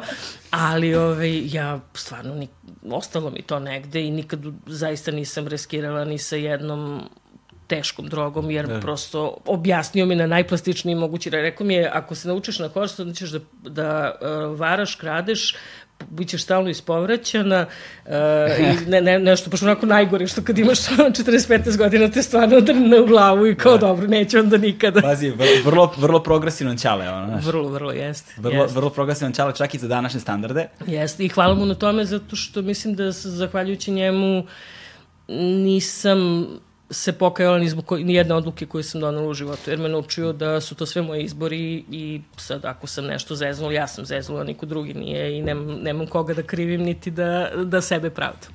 A, pored samog Londona, još jedno iskustvo koje je dosta važno i za kulturno nasledđe današnje Evrope a, i za celu tu a, postkulturnu, odnosno subkulturnu scenu, da kažemo, jesu, jeste bio i Amsterdam 80. godina. Ti si pored Londona provodila dosta vremena i tamo.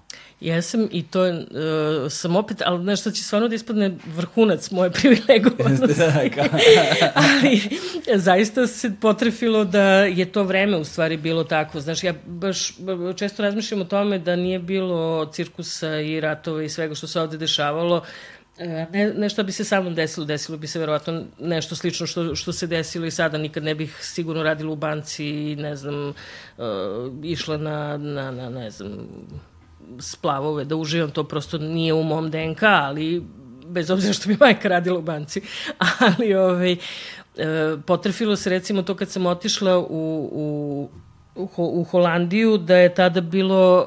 Um, idealno putovati iz Beograda za Holandiju, zato što je postojao veliki broj autobuskih linija. Je to bila ova Amsterdam-Istanbul? Bila je ta, ali je posle toga bila Lasta, onda neki Eurolines i ne znam ko još, e, zato što je mnogo naših ljudi radilo u nekom pograničnom gradu e, u Nemačkoj.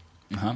To je bila neka ogromna fabrika, ne znam čega, i onda je Lasta organizovala, na primjer, pet autobusa nedeljno ili ne sjećam se sad, ali neku veliku.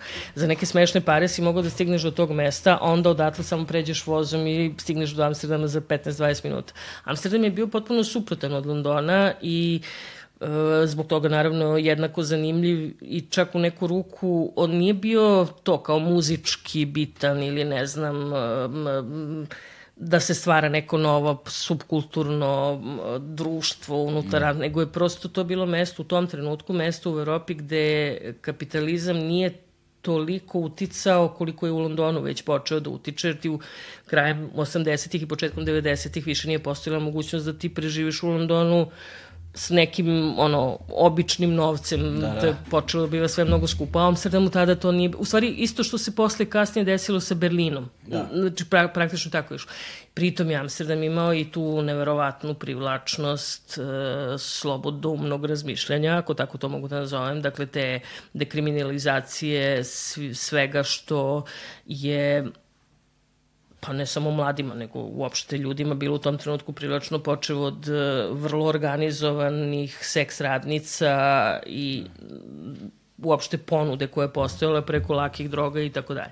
Mislim, prvi eksta, ekstazi, ja mislim da je došao prvo tamo. Iz Amsterdama. Da, iz Amsterdama, Mitsubishi ili šta li je već bilo. Najpopularniji ekstazi svih vremena sa, dono, sa dolaskom rave kulture yes. je, došao, je, do, je došao iz Amsterdama. I Amsterdam je bio drugačiji od Londona, zašto je bio onako nekako još manje ljude zanimalo ko si, šta si, odakle si i tako dalje. U Londonu je u to vreme danas naravno ništa od toga više ne funkcioniše, ali u Londonu i, i je bilo, uh, ja sam doživljavala scene da ono, nije bilo Srbija i Sibir, jer tad još nije bila Srbija, nego se govorilo se iz Jugoslavije, ali sam doživljavala Your country is like a car, no. to je bila uobičajena stvar, ali nikog nije zanimalo dakle dolazim, dokle god možemo da se sporazumemo i funkcionišemo normalno. Amsterdam je bio još opušteniji u tom smislu i nekako taj, taj njihov tamo ja stalno se zezam i kažem da to zato što je ispod nivoa mora, ali zaista tamo, tamo ima nešto u vazduhu što, što te onako osjećaš se kao morž na plaži, ono ništa te da. ne pogađa. A, I tvoja novinarska karijera zapravo počinje uh, sa tu negde sa raspadom Jugoslavije, otprilike, je li tako? Jeste, ja sam otišla u, ponovo u Ameriku da vidim ovaj, da li bih eh, mogla da regulišem neke papire, nešto nije, bitno i igrom slučaja sam dobila posao u Barnes Noble, koja je lanac knjižara u, u Americi, što je posao ko nek, koji ono redko može dobije neko ko tek tako ovaj, zalegne, ali se potrefilo opet sve isto. Njima je trebalo da, bio mi potreban neko ko će da radi na žanrovskom delu, ja naravno sam ono, nerd najgori na svetu koji čitaš većinom žanrovsku literaturu i tako sam dobila taj posao. Međutim, onda se počelo da se dešava sve što se ovde dešava, a ja sam prethodno radila kao, to mi malo glupo zvuči sad da kažem, radila sam kao novinarka, radila sam u novinarstvu, radila sam razne neke stvari, počeo od prekopnog časa, pa a, borbe, pa naše borbe, pa ovog, pa onog, e, i nekako me to privlačilo. Bilo mi je da li zato što sam čitala gomilu Normana Majlera pa sam se navukla na, na takve stvari, da li zato što sam imala potrebu da pišem, pričam, govorim šta god. I onda sam shvatila da ako hoću time da se bavim, da nema svrhe da sedim u Americi, nego da se vratim ovde. I, jer je sve počinjalo. I vratila sam se ovde za prve uh, izbore u Srbiji 90. malo pre toga.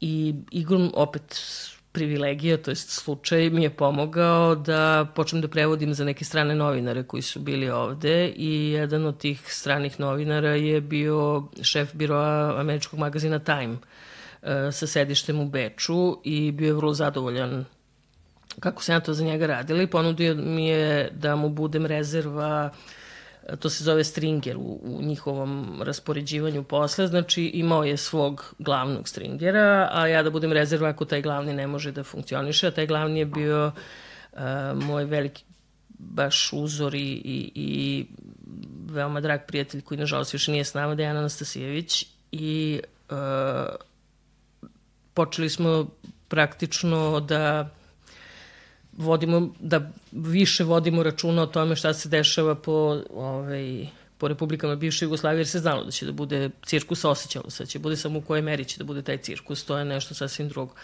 E, Dejan je onda dobio posao u jednoj novinskoj agenciji američkoj i onda sam ja preuzela veći deo ovog uh, time posle, da tako kažem, i zahvaljujući e, činjenici da moje pre, prezime postoji u svim bivšim, odnosno među svim narodnostima bivše e, Jugoslavije, e, to mi je pomoglo da se krećem po mestima i po delovima koje, na koje drugi ljudi nisu mogli iz Srbije ili iz Hrvatske, zavisi kako ko da odlaze. Um, kako je izgledalo to vreme, kako, kada, kada bi ga sada opisivala, uh, kako, kakav je duh vremena bio tada kada si počinila da radiš u vreme uoči dešavanja velikih sukoba? Pa niko nije verovao da će doći do toga, stara priča, niko nije mogao da zamisli da će se to raspasti. E, ja sećam da u jednom od tih e, priprema koje sam radila za Jamesa, za našeg tadašnjeg šefa, e, sam našla neki podatak da je više od 60% porodica u bivšoj Jugoslaviji bilo mešanih nacionalnosti, odnosno, kako se to već kaže, etnički. Mešani brakova. Da ne, ima još stručnije nešto, etnički raznoliko, recimo, ili tako nešto, nije ni važno. Ove, ali prosto niko nije mogao da za razliku od Bosne koja je došla kasnije gde je sve vreme bio nekakav miris sukoba i gde si mogao da očekuješ da će se desiti sve to što se desilo, ne u toj meri naravno, u Hrvatskoj i u Srbiji to nije bio slučaj jer se činilo da će sve ići nekim pravcem kao što je bilo u Sloveniji, da će se relativno brzo to kao stabilizovati, jeste, ovi su ovakvi, oni su onakvi, ali kao ajde malo da, da to smirimo. Međutim, to se nije desilo zbog raznih stvari i jedna od, jedan od trenutaka kada sam shvatila e, baš Dejan koji je bio u Vukovaru vratio se i onda smo seli nešto da razgovaramo i tad smo oboje stvari shvatili da nema šanse da se bilo šta izvuče. Mi pripričavao kakav su odnos imali meštani među sobom prema JNA i prema tim nekim, prema vojci tadašnje Jugoslavije i prema tim nekim jedinicama koje su se pojavile samo organizovane ili organizovane od nekog drugog i prosto nikom više nije bilo važno odjedan put je taj nacion postao najvažnija stvar na svetu, a sve ostalo je palo u vodu. E sad, godinama kasnije sam razgovarala sa jednim uh, sociologom koji mi je dao nekakvu polupotvrdu neke moje teze. Ja sam naime sve vreme sebe lagala i govorila drugima i njih lagala da mislim da je do toga svega došlo zato što prosto narodi na ovim prostorima nisu i živeli svoj uh, nacionalni romantizam kao veliki broj naroda zapadne Evrope jer se to nije desilo zaista. Ni, nijedan narod iz bivše Jugoslavije nije išao do kraja u tom jel, romanti, u ostvarivanju svoje nacije na kulturnom nivou ili geografskom, kako god hoćeš da kažeš.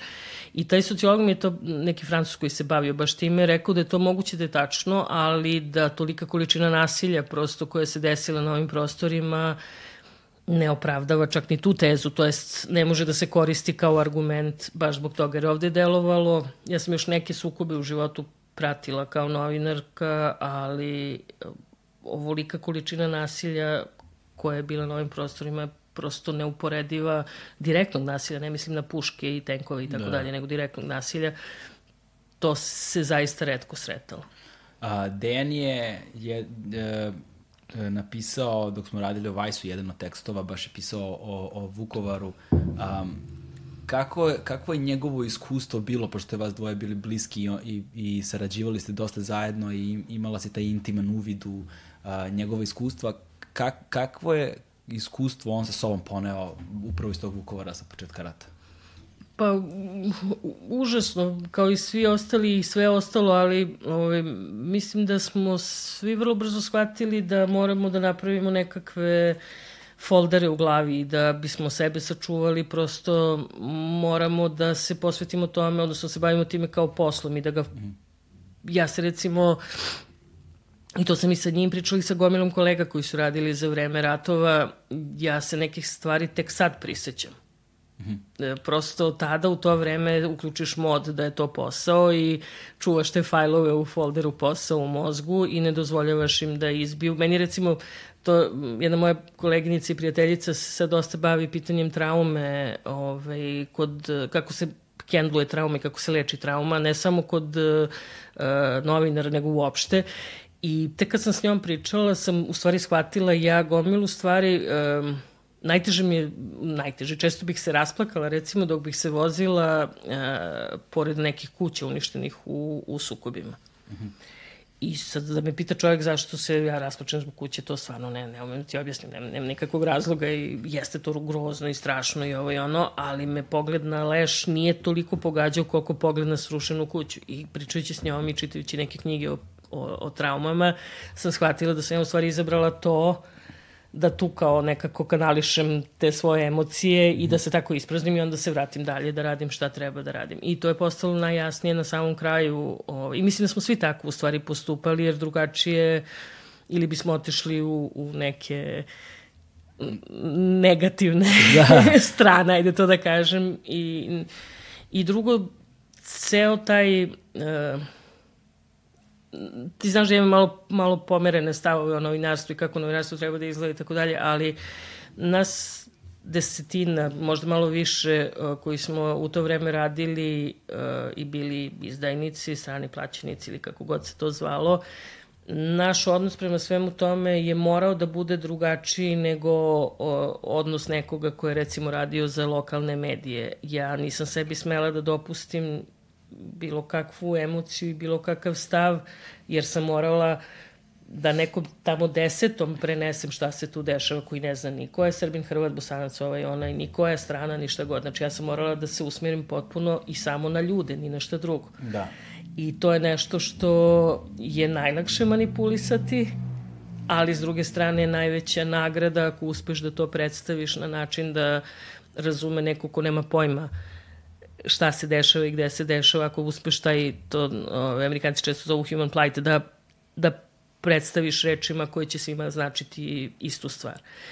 I mislim da je žao mi je što ovde to prosto nije nije nekakav ne mu kažem kodis, glupa reč, ali što nije nekakva mantra novinarska, jer ovde s, na, na Balkanu su novinari više oni koji iznose nekakav stav i mišljenje, a priča je vrlo često u drugom planu. I to prosto je grehotan nekako, uh, jer ja mogu da se slažem ili ne slažem sa tobom, ali mi je tvoj stav, kako ti kažem, šta me briga za tvoj stav. Da. Doneću ga sama, ali mi daj priču i onda ću da razmišljam i da vidim šta je tačno i šta mi je bitno. Da, to je veliki deo američkog savremenog nasledđa, posebno u prozi, zato što oni su očuvali taj kult pričanja priče.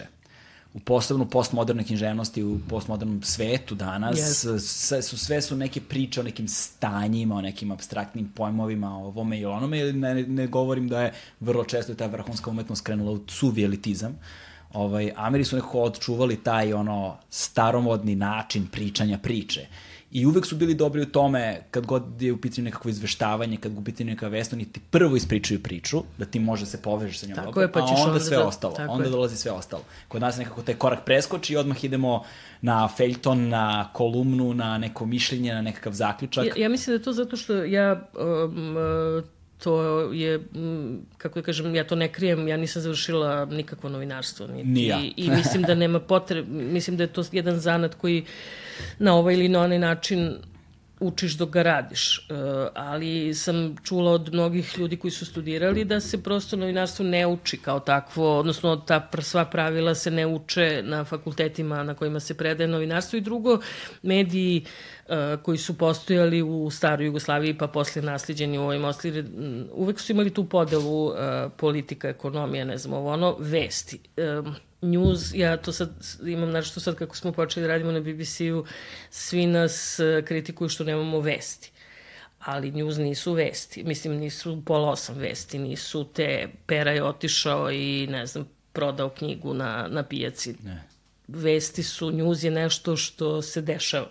Da, sve vreme. Tako je. I a kod nas je malo to pomereno, tako da je s jedne strane postoji taj neki agencijski, ajde da ga nazovem deo, gde se samo furaju te vesti, vesti, vesti, vesti. Danas je recimo, ne znam, bila vest da je užasan sudar na, u, kod Batajnice, dvoje poginulo. Da, to jeste vest, ali to čitaocu je samo prošlo, otišlo i izašlo. Da. Ako ćemo od toga zaista da pravimo priču, onda treba uraditi nešto drugo. E, to drugo, to kod nas ne postoji.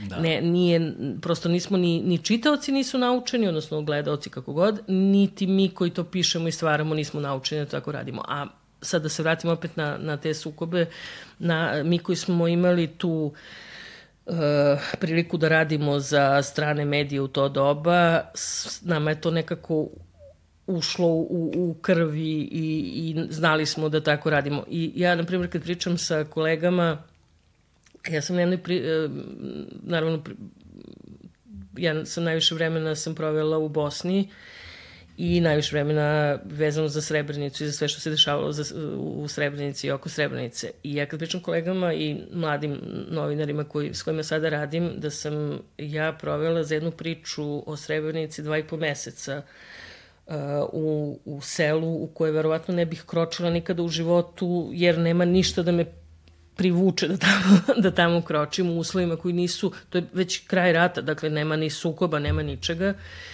uh, u kome apsolutno nema ničega što bi me da kažem, vezalo za to mesto, samo da bih mogla da ostvarim uh, kontakt sa ljudima koji su u to vreme radili na iskopavanju masovnih grobnica iz Srebrenice. I moja obaveza je bila da ja njima uvek govorim da sam ja novinarka i da ja da su meni, da, da, da, da, da. znači nisam nikada lagala i, i folirala da sam neko tamo ko se baš zanima za njihov život i tako dalje. Ali da skratim priču, uh, dva meseca je to sve trajalo da bih ja dobila jednu rečenicu da. uh, od jednog od tih ljudi koja je na, napravila priču u Srebrenici takvom da je apsolutno svako i razume i pročita i u kojoj ne može da se nađe ni ovaj ni onaj, nego je baš to kao narativna ljudska priča koju će svako razumeti. Koja je to bila rečenica? E, plaćali su me, e, terali su me da ih zakopavam, sad me plaćaju da ih otkopavam. Uh, ti si provela za vreme rata u Bosni četiri godine tamo sve? Tri. Tri godine si da. provela, sve vreme si bila tamo. Nisam dolazila sam malo i ovamo, došla sam prvi put, bila sam u Sarajevu, pa sam onda ovaj, došla ovde uh, u decembru 93. kad su bili izbori, tad sam uh, videla Arkana ovaj, i Cecu i Olivera Mandića i Džeja u Domu kulture u Prokupcu gde su oni predstavljali svoju srps, stranku srpskog jedinstva ili da, tako da, da, nešto. Da. I, ove, I tad je Ceca bila ošišana i da je tad bilo interneta, to bi verovatno svaki tabloid tada bi krenuo onu legendu da je Arkan ošišao zato što je, ne znam, našao sa nekim muslimanom u Švajcarsku i tako dalje, a u stvari sad nisam se baš udubljivala, ali nam je rečeno da, da je ona se sama ošišala i ona je to pričala, se sama ošišala zato što je zapalila e, kosu i obrve, i stvarno nije imala obrve u tom trenutku, e, paleći cigaru na sveću. ne pali e, cigaru na sveću, ubićeš mornara. Znaš. Tako je, da, da. Ove... I ovaj. vraćala sam se, bilo je dosta e, teško komunicirati fizički prelaziti tamo vamo, komunicirati bilo još teže, a Uh, kažem, meni je prednost bilo to prezime, jer i, ono, u svim delovima su postojali Nikšići i onda sam svuda mogla da govorim da sam ova ili ona i tako dalje. U Crnoj Gori je to naravno bilo da. i dan danas je najkorisnije i naj, kako da kažem, cenjenije. Da, da, da, da. ne, kad kažem najkorisnije nisam mislila na nikakvu zaista korist, ali to kao... Da. Ipak se tako prezivam, a ovaj, um, što sam tu sad rekla, da, i takođe je bilo korisno zbog toga što sam prosto mogla da prelazim iz jednih delova u drugi bez neke preterane pompe i bez nekog preteranog, mm. preteranih problema kao neke druge kolege, ali onda posle toga su već, kad su, ono, kad je, smo znali da će da dođe Dayton i da će da bude sve ovo što se posle dešavalo, onda je bilo mnogo jednostavnije i kretati se i mnogo je više ljudi i ušlo u taj posao. A meni ono što je, e, to se baš kad smo pričali pre nego što smo ovaj, se dogovorili za ovo, baš mi je palo na pamet u stvari koliko nisam tada shvatala e, koliko je moj posao bio i odgovoran u neku ruku i koliko sam morala da izgradim uh, da zaslužim i zaradim poverenje e, i kolega i šefova, jer taj posao se radi tako, ti imaš nekog svog šefa koji sedi negde i u Beču, u Londonu, u Parizu, gde god nije ni bitno, i ti trčiš po terenu i kopaš i radiš priče i tako dalje i onda to šalješ njemu i ako ti se desi da, primjer, u 4-5 meseci da, da je objavljena priča po tvojim imenom, ti ono skačeš do neba. Jer to obično bude ili deo neke veće priče ili izađe pod, ti si tamo negde dole potpisan kao reporting by i tako to. Da. Ove, čak bez obzira i da si prisustuo nekim ludačkim stvarima. U celom tom procesu mnogo učiš i vidiš kako i zašto se to menja i tako dalje i tako dalje, zašto ti neke stvari ne prolaze, ali sam onda Znači, završila se Bosna, prešla sam na drugi posao i otišla prvi put na Kosovo. Mm. I ja tada u tom trenutku sam od albanskog zvala, znala možda 15 reči, ništa više. I imala sam ja svog stringera mm -hmm koji mi je prevodio šta se dešava. I u tom trenutku sam shvatila koliko je važno da ja njemu verujem, da on meni veruje, kao što je i za nekog posle kasnije bilo važno, odnosno ranije bilo važno da ja budem osoba od prve, jer sam ja tu rečenicu koju sam malo prizgovorila mogla da prevedem u svom tekstu na potpuno deseti način, da je ulepšam, da je unakazim. Tako da ta neka odgovornost koju si potpuno nesvestan i da. kasnije postaješ svestan je nešto što ja mislim da mi je najvažnije iz tih godina što sam, što sam izvukla. Um, pre nego što odemo na Kosovo, da se vratimo nazad na Bosnu ovaj, i tvoje tri godine provedene tamo, Dobro, mi sad Beograd dolazila sam ja ovamo, nije baš da, da, bilo ali, ono da sam, ali ljudi kako, koji su živjeli tamo, njima je bilo mnogo, mnogo strašno mnogo, meni. Ali kako, je, kako je izgledala tvoja svakodnevica uh, za vreme uh, boravka u, u Bosni u to vreme? Pa zavisi gde sam. Uh, na Palama, recimo, kad sam ili u Banja Luci, uh, to je mnogo mirnije, jel? Mm Uh, I jedina stvar ozbiljnija sa kojom se susrećeš je to što ti niko ne veruje, jer dolaziš kao predstavnik nečega što se smatra neprijateljskim, što nije na našoj strani i tako dalje. Sarajevo i deo u federaciji bio naravno mnogo teži, ali na primer e, baš zahvaljujući tome što je postojala ta neka zajednica ljudi koji su, koji su radili, mi smo i tu bili privilegovani u odnosu na, na ljude koji su zaista tamo živjeli. Mi smo imali satelitski telefon, ne znam, generator za struju i tako dalje. Ali sad je to opet, znaš, e, vraćamo se na to što e, ja sam, sećam se jedna od, znači, možda prva priča koju sam slala u Beč, jer je tad bio tadašnji moj šef, a, e, diktirala sam je sekretarici, daktilografkinji, pardon, ne sekretarici, koja je sedela u Njujorku, čini mi se, a, i njoj sam diktirala reč po reč, kao što inače radiš daktilografkinji, koja je to sad slala faksom tom mom šefu u Beč i sad to je sve trajalo satima i go, Bog te pita koliko je to sve koštalo, ti telefonski da. pozivi, ove, ali to je bio način kako je, kako je sve to e, tada funkcionisalo. Ja sam recimo, majka mi je, dok sam kasnije, čak i kasnije posle rata, ove, tako sam u stvari našla drugi posao, E, nisam mogla da zovem Beograd, nego bih zvala nekoga uh, tim satelitskim telefonom i onda bi samo rekla zove moju majku, kaže da je sve u redu, da mi ništa ne fali ili tako nešto. A ona mi je pak slala u uh, paketima preko Caritasa i Adrije, ovih humanitarnih organizacija, stavi mi recimo, ne znam, 5-6 primjeraka novina, uh, čokolade, ne znam, da. nešto da imam. I ja uvek volim da kažem, sam ja verovatno jedina osoba koja je dobila posao na oglas iz novina. Sedela sam u Sarajevo i razmišljala sam, već je gotov bio rat i ovaj, razmišljala sam šta dalje. Jedno što sam znala da um, želim svim silama da se vratim u Beograd. Uh, zašto i kako, nemam pojma, ali sam to u tom trenutku vrlo želela. Dobila sam bila neke ponude tamo za posao, ali nisam bila previše zainteresovana i čitam novine kako sam naučena da čitam novine od pozadi. U politici su izlazili oglasi i to je bila politika recimo pre, na primjer, 5 dana i piše tamo zaposlenje i ka, piše u oglasu a, međunarodna, ne, internacionalna novinska kuća traži a, novinara sa znanjem engleskog i francuskog. I piše poštanski fah. Da. Pa, znači, ja mislim da danas 98 ljudi ne znam šta znači poštanski fah. I ja vidim to i nemam pojma ni koja ni šta je, ali skucam CV i stavim šta radim, gde sam, šta sam i vratim istim tim autobusom odem na pale, vratim do Beograda da Keva odnesi, ona odnesi, stvarno me pozovu na razgovor. To je bila agencija France Press, tako sam dobila posao.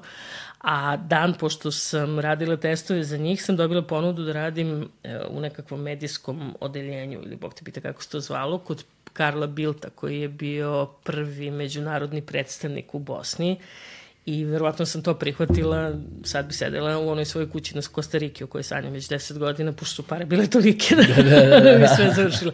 E, u svakom slučaju onda sam došla... Uh,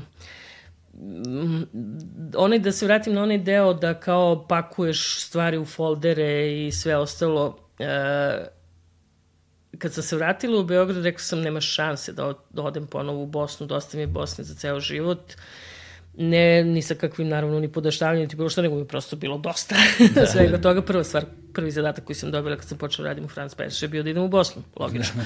Tako da ove, te, ta neka obećanja koje sebi daješ padaju u vodu.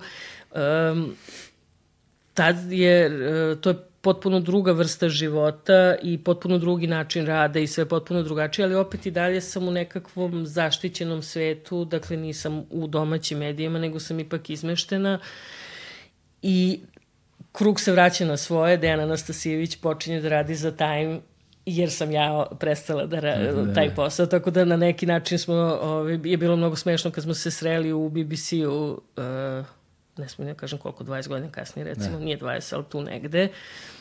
I sva ta iskustva, ali mnogo vidiš zanimljivo, mene, naši novinari su svi dosta mladi i uh, ti znaš, ja volim da trtljam i mataram rukama i šta god hoćeš, ali mene slušaju i onako, kao još se svađaju i raspravljaju i te teraju svoje, a Dejana su samo slušali. I to je ta neka razlika koju je on uspeo da, zašto je on bio toliko i to taj gubitak koji smo pretrpeli, to naravno njegova porodica najviše i to, o tome ne treba ni da se govori, ali uh, mislim da je stvarno to jedna od najvećih ličnosti koje smo izgubili, ne mi, nego generalno. Dejan prosto je bio toliko skroman da nije želeo uopšte da da na bilo koji način uh, uh, benefituje, odnosno nema bilo kakve koristi od tog njegovog iskustva i, i fantastičnog obrazovanja i svega prosto jedan kosmopolitski renesansni čovek koji je o svemu znao sve da kaže.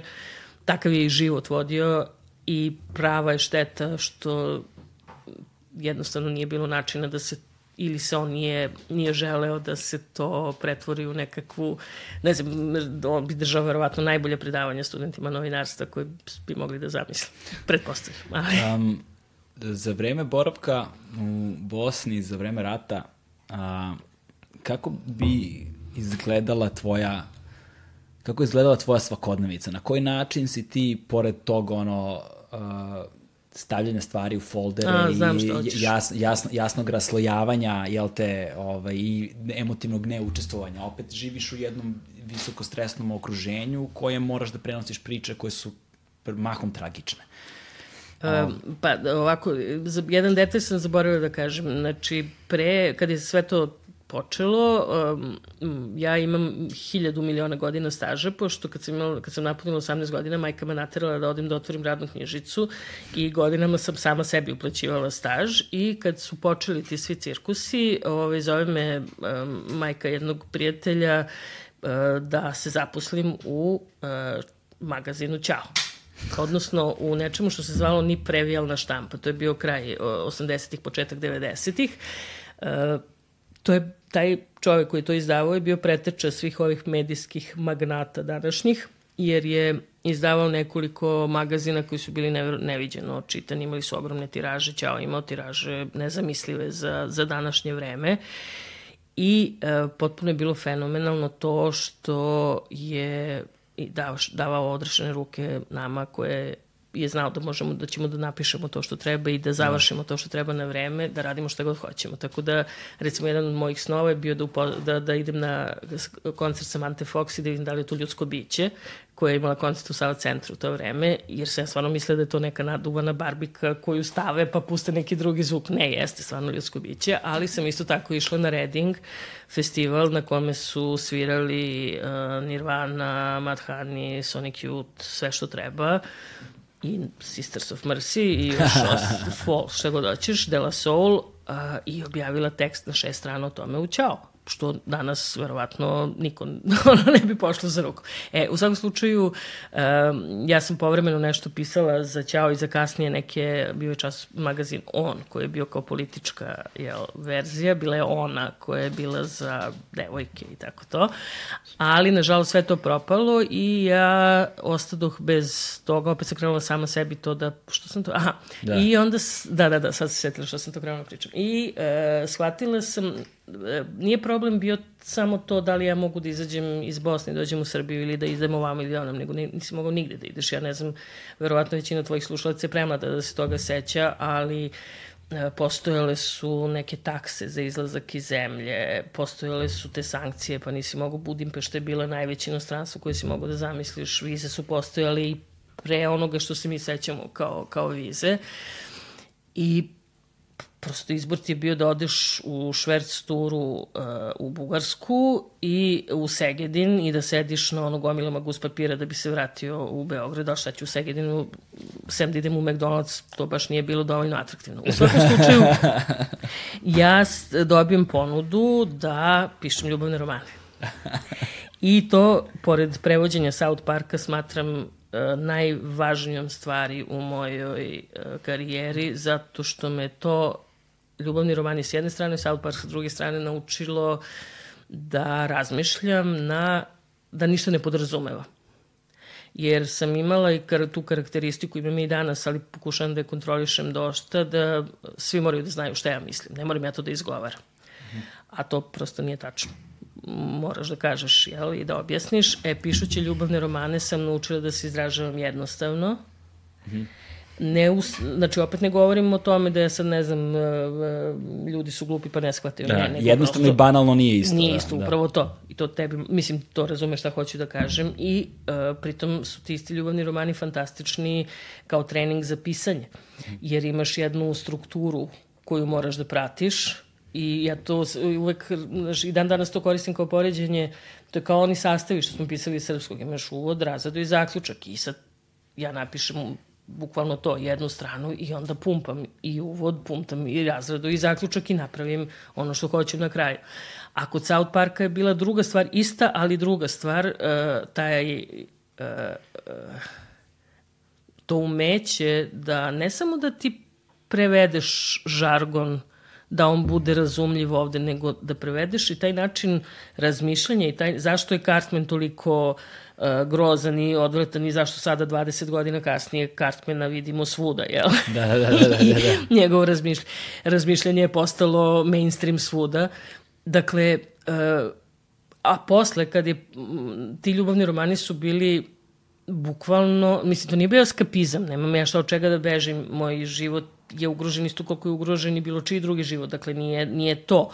Uh, imala sam dovoljno knjiga na raspolaganju da ih čitam pa da tako bežim. Ne, ovo je bio eskapizam u smislu da se neke druge stvari dešavaju znaš, da taj moj folder sa poslom ne, ne dođe u jednom trenutku da eksplodira od previše informacija. I super je bilo što smo, moja prijateljica takođe se posle pridružila tome i onda smo, e, ta izdavačica koja je objavljivala te romane, htela na početku da imamo naša imena, mislim, da se po našim imenima, međutim niko nije kupovao e, kad su pisci bili ovaj, sa ovdašnjim imenima i onda smo morali da izmišljamo strane imena i sad je to, to danas verovatno ne bi bilo moguće zbog autorskih prava ili da. Bog te pita čega ne, ali smo kad ću ja često kombinovali recimo, e, mislim da je jedna od najuspešnijih spisateljica bila Madeline Clinton, pa je bila ne znam nije baš bila Hillary Albright, ali tako smo da, sve da, da mešali da, da, da, koga da. sretnemo i šta sretnemo. I likovi su morali da se zovu, nema sad to Steva i Marija, nego ima da se zove John i Nikolas. Ne znam, Nikolas, recimo, nije ni bitno, nema, ne prolaze ove, domaće. I to je trajalo, boga mi, jedno sigurno godinu dana. E, izdavačka kuća se zvala Spidex, sećam se. Koliko I... si romana napisala? Ja mislim negde oko 50. Wow! I da sam se na kraju istrenirala toliko da mi trebalo, na primjer, Pa dobro se, ne, ne, ne, ne, nije to za wow, zato što je to, sad ću ti kažem, to je 64 vod strane. Dobro, ali to je bez obzira i dalje to 50 romana, znaš. Pa dobro, ali i drugo, ovaj, dosta je to sad suženo, Da. Znaš, nemaš ti sad tu baš mnogo, on će, oni će da se vole na kraju svakako, a da, sad da, da. kako će da stignu do toga, to je druga priča. Sad kako će da se vole, to je... To, to, to ostavljamo za sledeći da. roman. Ali ovaj, čak i nije bilo ni toliko loše, u početku nismo, nismo ni uzimali pare dok to nije krenulo, posle je bilo čak i nešto relativno pristojno, ali mislim da me to, recimo, to me mnogo više naučilo sa žetku pisanja nego bilo koje novinarsko iskustvo kasnije. Malo pre si pominjala priču iz Srebrenice, odnosno, sad ne znam da li Srebrenice, nekog sela tu gde si rekla kao plaćali mm -hmm. su me da ih zakopavam, sad me plaćaju da ih otkopavam. Ovaj, ti si bila jedna od prvih novinara, novinarki koja je ušla u Srebrenicu, ali tako? Pa, opet je to sad bio splet različitih okolnosti. O, ja sam to pred kraj 95. radila za Time, to mi je bio primarni poslodavac, da tako kažem, ali sam radila i za Daily Telegraph, britanski uh, dnevnik, u to vreme još uvek bio dosta uh, otvorenih shvatanja, da tako kažem, pa su oni čak i delili nešto, neke troškove, nije ni bitno. Uh, jedan od mojih poslova za Time je bio da svakog utorka šaljem faks uh, u kancelariju predsedništva Slobodana Miloševića da tražim intervju sa njim. Mm -hmm. I gde god da se nalazim, gde god da sam bila, svakog utorka između 1 i 1 i 30 sam morala da šaljem taj faks. I to je, tako sam znala koji je dan, to mi je bilo super, kad ja ne bih mogla neko drugi bi poslao. I uh, u jednom trenutku, nikad se niko nije javio, naravno, i tog jednog utorka, u, to je bio maj, početak maja, posle 1. maja, prva nedelja, se javio Goran Milinović, tadašnji, ovaj, uh, kako se to zvalo, predstavnik za štampu, recimo, ili šef kabineta Miloševića, da kaže da bi predsednik volao da da intervju za taj. I, naravno, sve je tad preraslo u ludilo potpuno i to je, ja nažalost imam potpisano onaj confidentiality, znači ne mogu, da, da, ne mogu da pričam puno o tome kako je to sve izgledalo i šta je to sve to bilo, ali je dovoljno bitno to da je praktično taj intervju bio ono što je najavilo Dayton i kraj rata u Bosni i vrlo je jasno zašto je Milošević hteo tada u tom trenutku da da intervju. I kasnije su se vodile brojne rasprave da li je uh, izmanipulisao Time i da li je tu uopšte bila nekakva politička igranka što je baš u tom trenutku u junu 95. dao taj intervju. E, u svakom slučaju, to je bilo, ovaj, to se završilo i ja sam se sad provela dane transkribujući sve te stvari kojima su oni pričali i tako dalje. I zvoni mi telefon, opet sedim, tad sam bila u Beogradu, zvoni mi telefon, javlja mi se pukovnik ili potpukovnik, šta je tad bio, ne setim, uh, koji je bio pre, predstavnik za štampu Vojske Republike Srpske, da Mladić hoće da da intervju za taj. I ja sad iz ovoga, sa, e sad, tad sam imala nekakvog, nekog mladog šefa koji volio da se dokazuje, pa dok sam sačekala njega da dođe do Beča, pa smo otišli kolima u Banja Luku i razgovarali sa Mladićem 7. jula, 5 dana, 4 dana pre nego što je počela Srebrenica. Uh, u tom intervju je on nagovestio da ima neslaganja između Beograda i, i, i Republike Srpske oko svega toga. Taj intervju je obrađen, desila se Srebrenica, sve je bilo blokirano.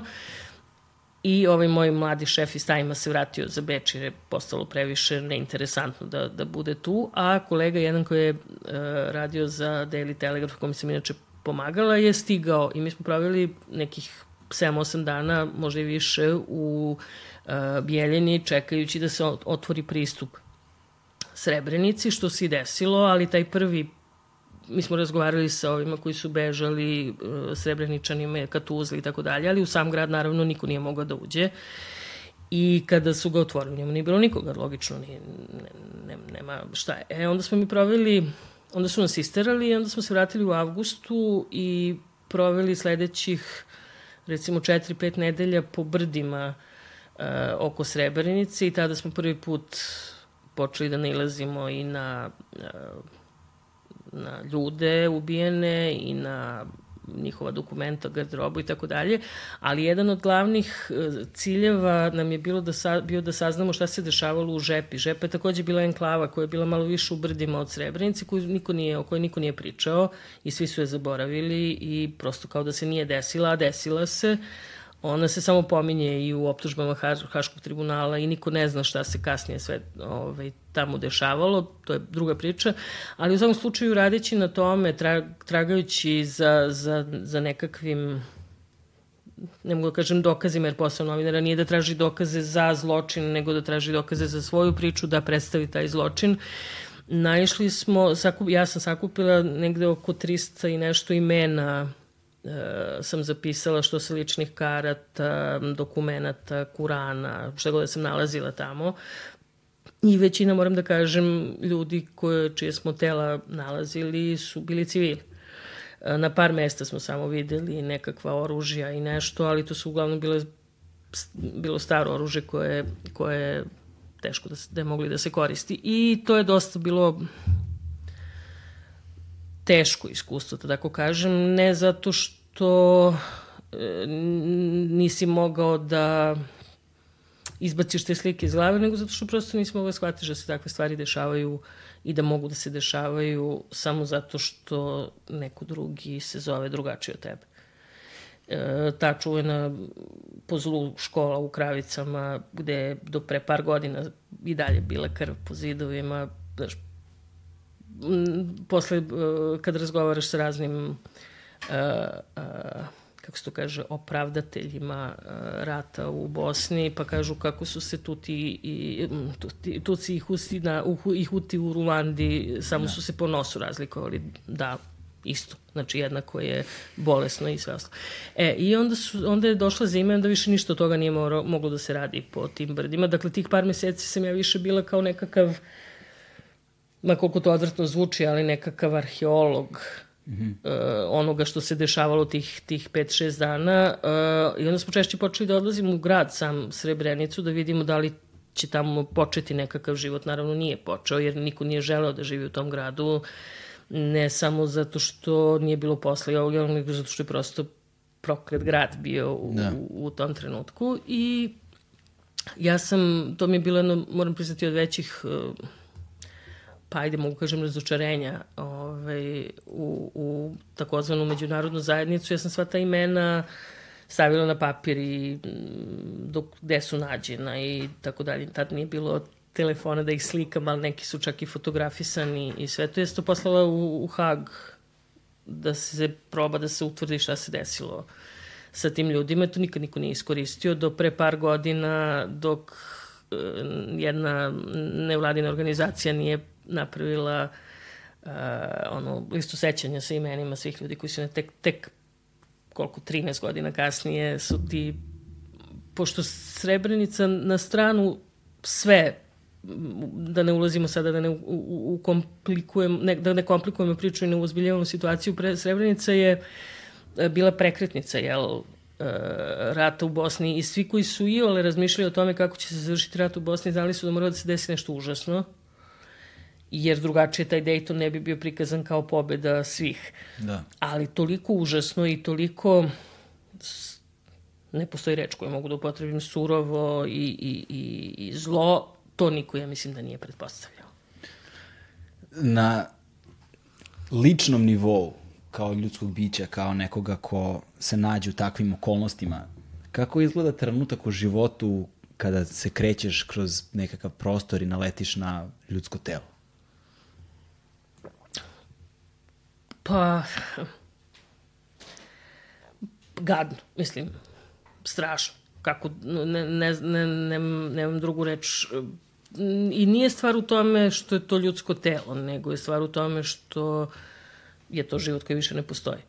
Znači, svejedno je da li ću videti kosku ili ću videti pantalone krvave i pocepan. Meni je svejedno. To je život koji je ugašen zbog neke budalaštine, a ne Mislim, ne. sad ovo zvuči glupo što sam rekla, ali, ali zaista je to.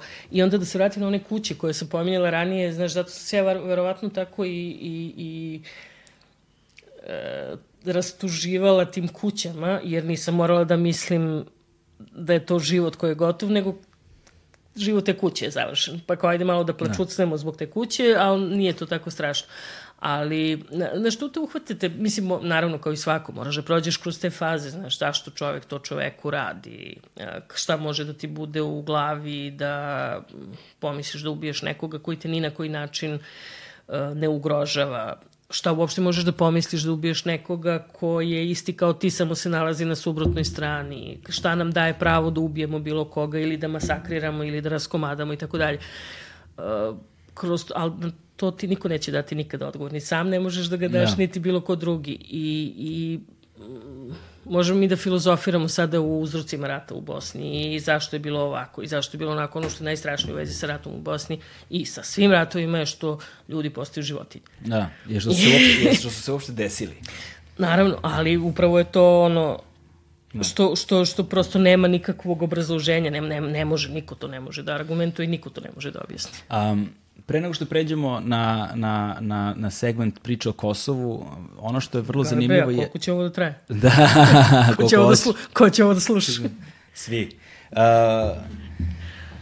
jeste, uh, jeste činjenica da kroz, najviše kroz ono pop kulturu, jel te, kroz američki film smo ovaj, došli do nečega što zovemo PTSP, jel te, kao naš post-traumatskog stres uh, sindroma a, ali a, koliko si ti, koliko su tvoje kolege, koliko su ljudi generalno bili svesni toga nakon rata? Nismo imali pojma šta ti je.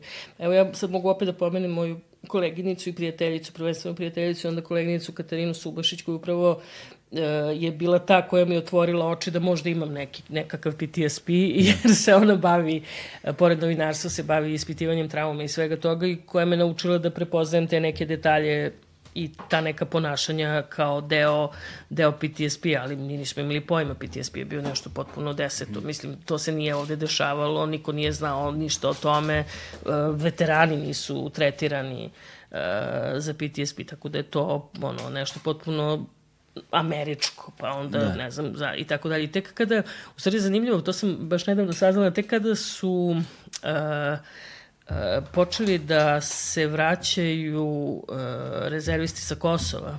Tek tada, na, znači, rezervisti srpske vojske i policije koji su bili na Kosovu, E, tek tada je počelo malo da se priča o tome i postoje neki istraživači koji tvrde da je razlog zbog to, za to što se neviđeno malo stvari zna o sukobu na Kosovu kao takvom. Da. E, malo se zna o tome kako su izgledale te borbe, kako god da ih zoveš, i sa jedne i sa druge strane, ali pošto mi ovde pratimo više jel, stranu Srbije i ljudi iz Srbije koji su se borili tamo, uh, prosto ni taj uvid koji sad imamo nije dovoljan da nam, da nam mm. otkrije šta se sve tamo dešava.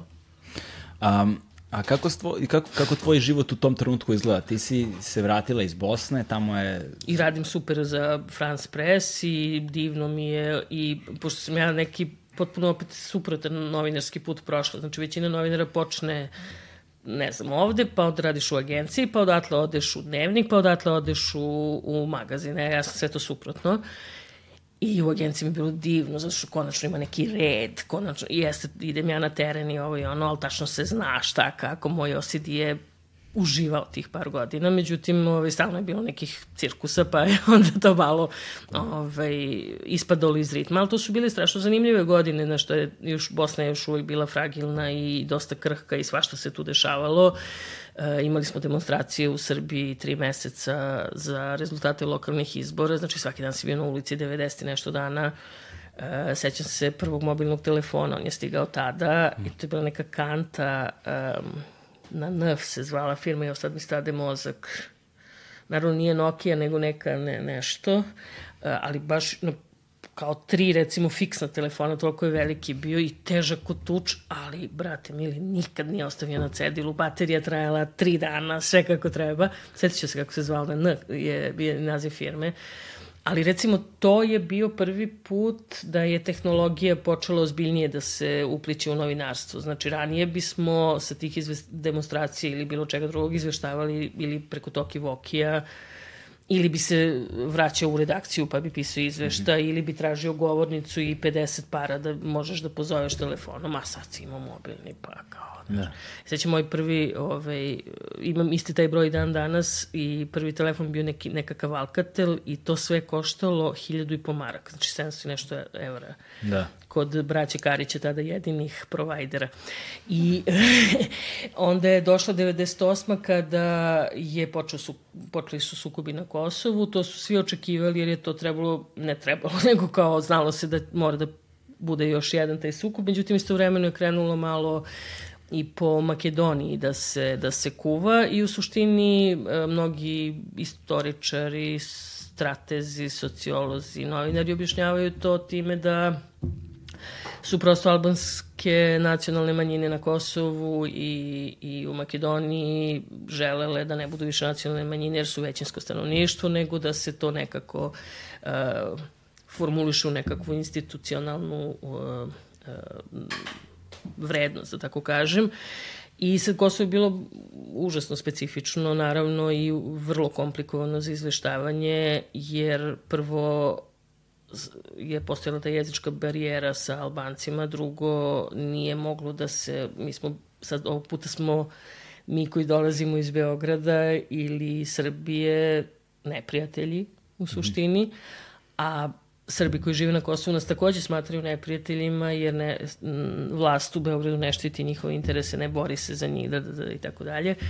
I um, taj sukob na Kosovu je bio mnogo više poput rata uh, koji vodi neka dominantna sila protiv gerile, ne zato što su to super reči koje zvuču u novinskom izveštaju, nego zato što je to fizički zaista bilo tako, ali nijedna ni druga strana nisu imale pojma kako da vode taj sukob i šta da rade u tom sukobu i zato je bilo toliko i žrtava i zato se sve to dešavalo na taj način koji se dešavao i bombardovanje naravno koje je usledilo je verovatno zakucalo celu priču. Ja.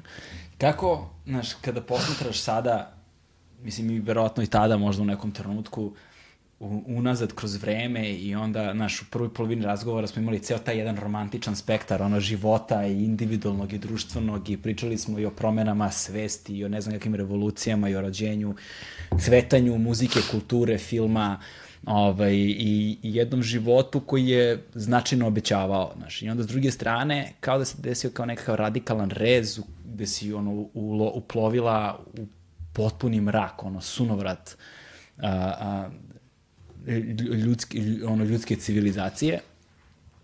I kada posmetraš ceo taj period unazad, ono, kako ti te, te, te dve pozicije ono, deluju, kako, na koji način ti sa, ceo taj život izgleda, kako, koliko ti je daleko delovao taj život 80. godina?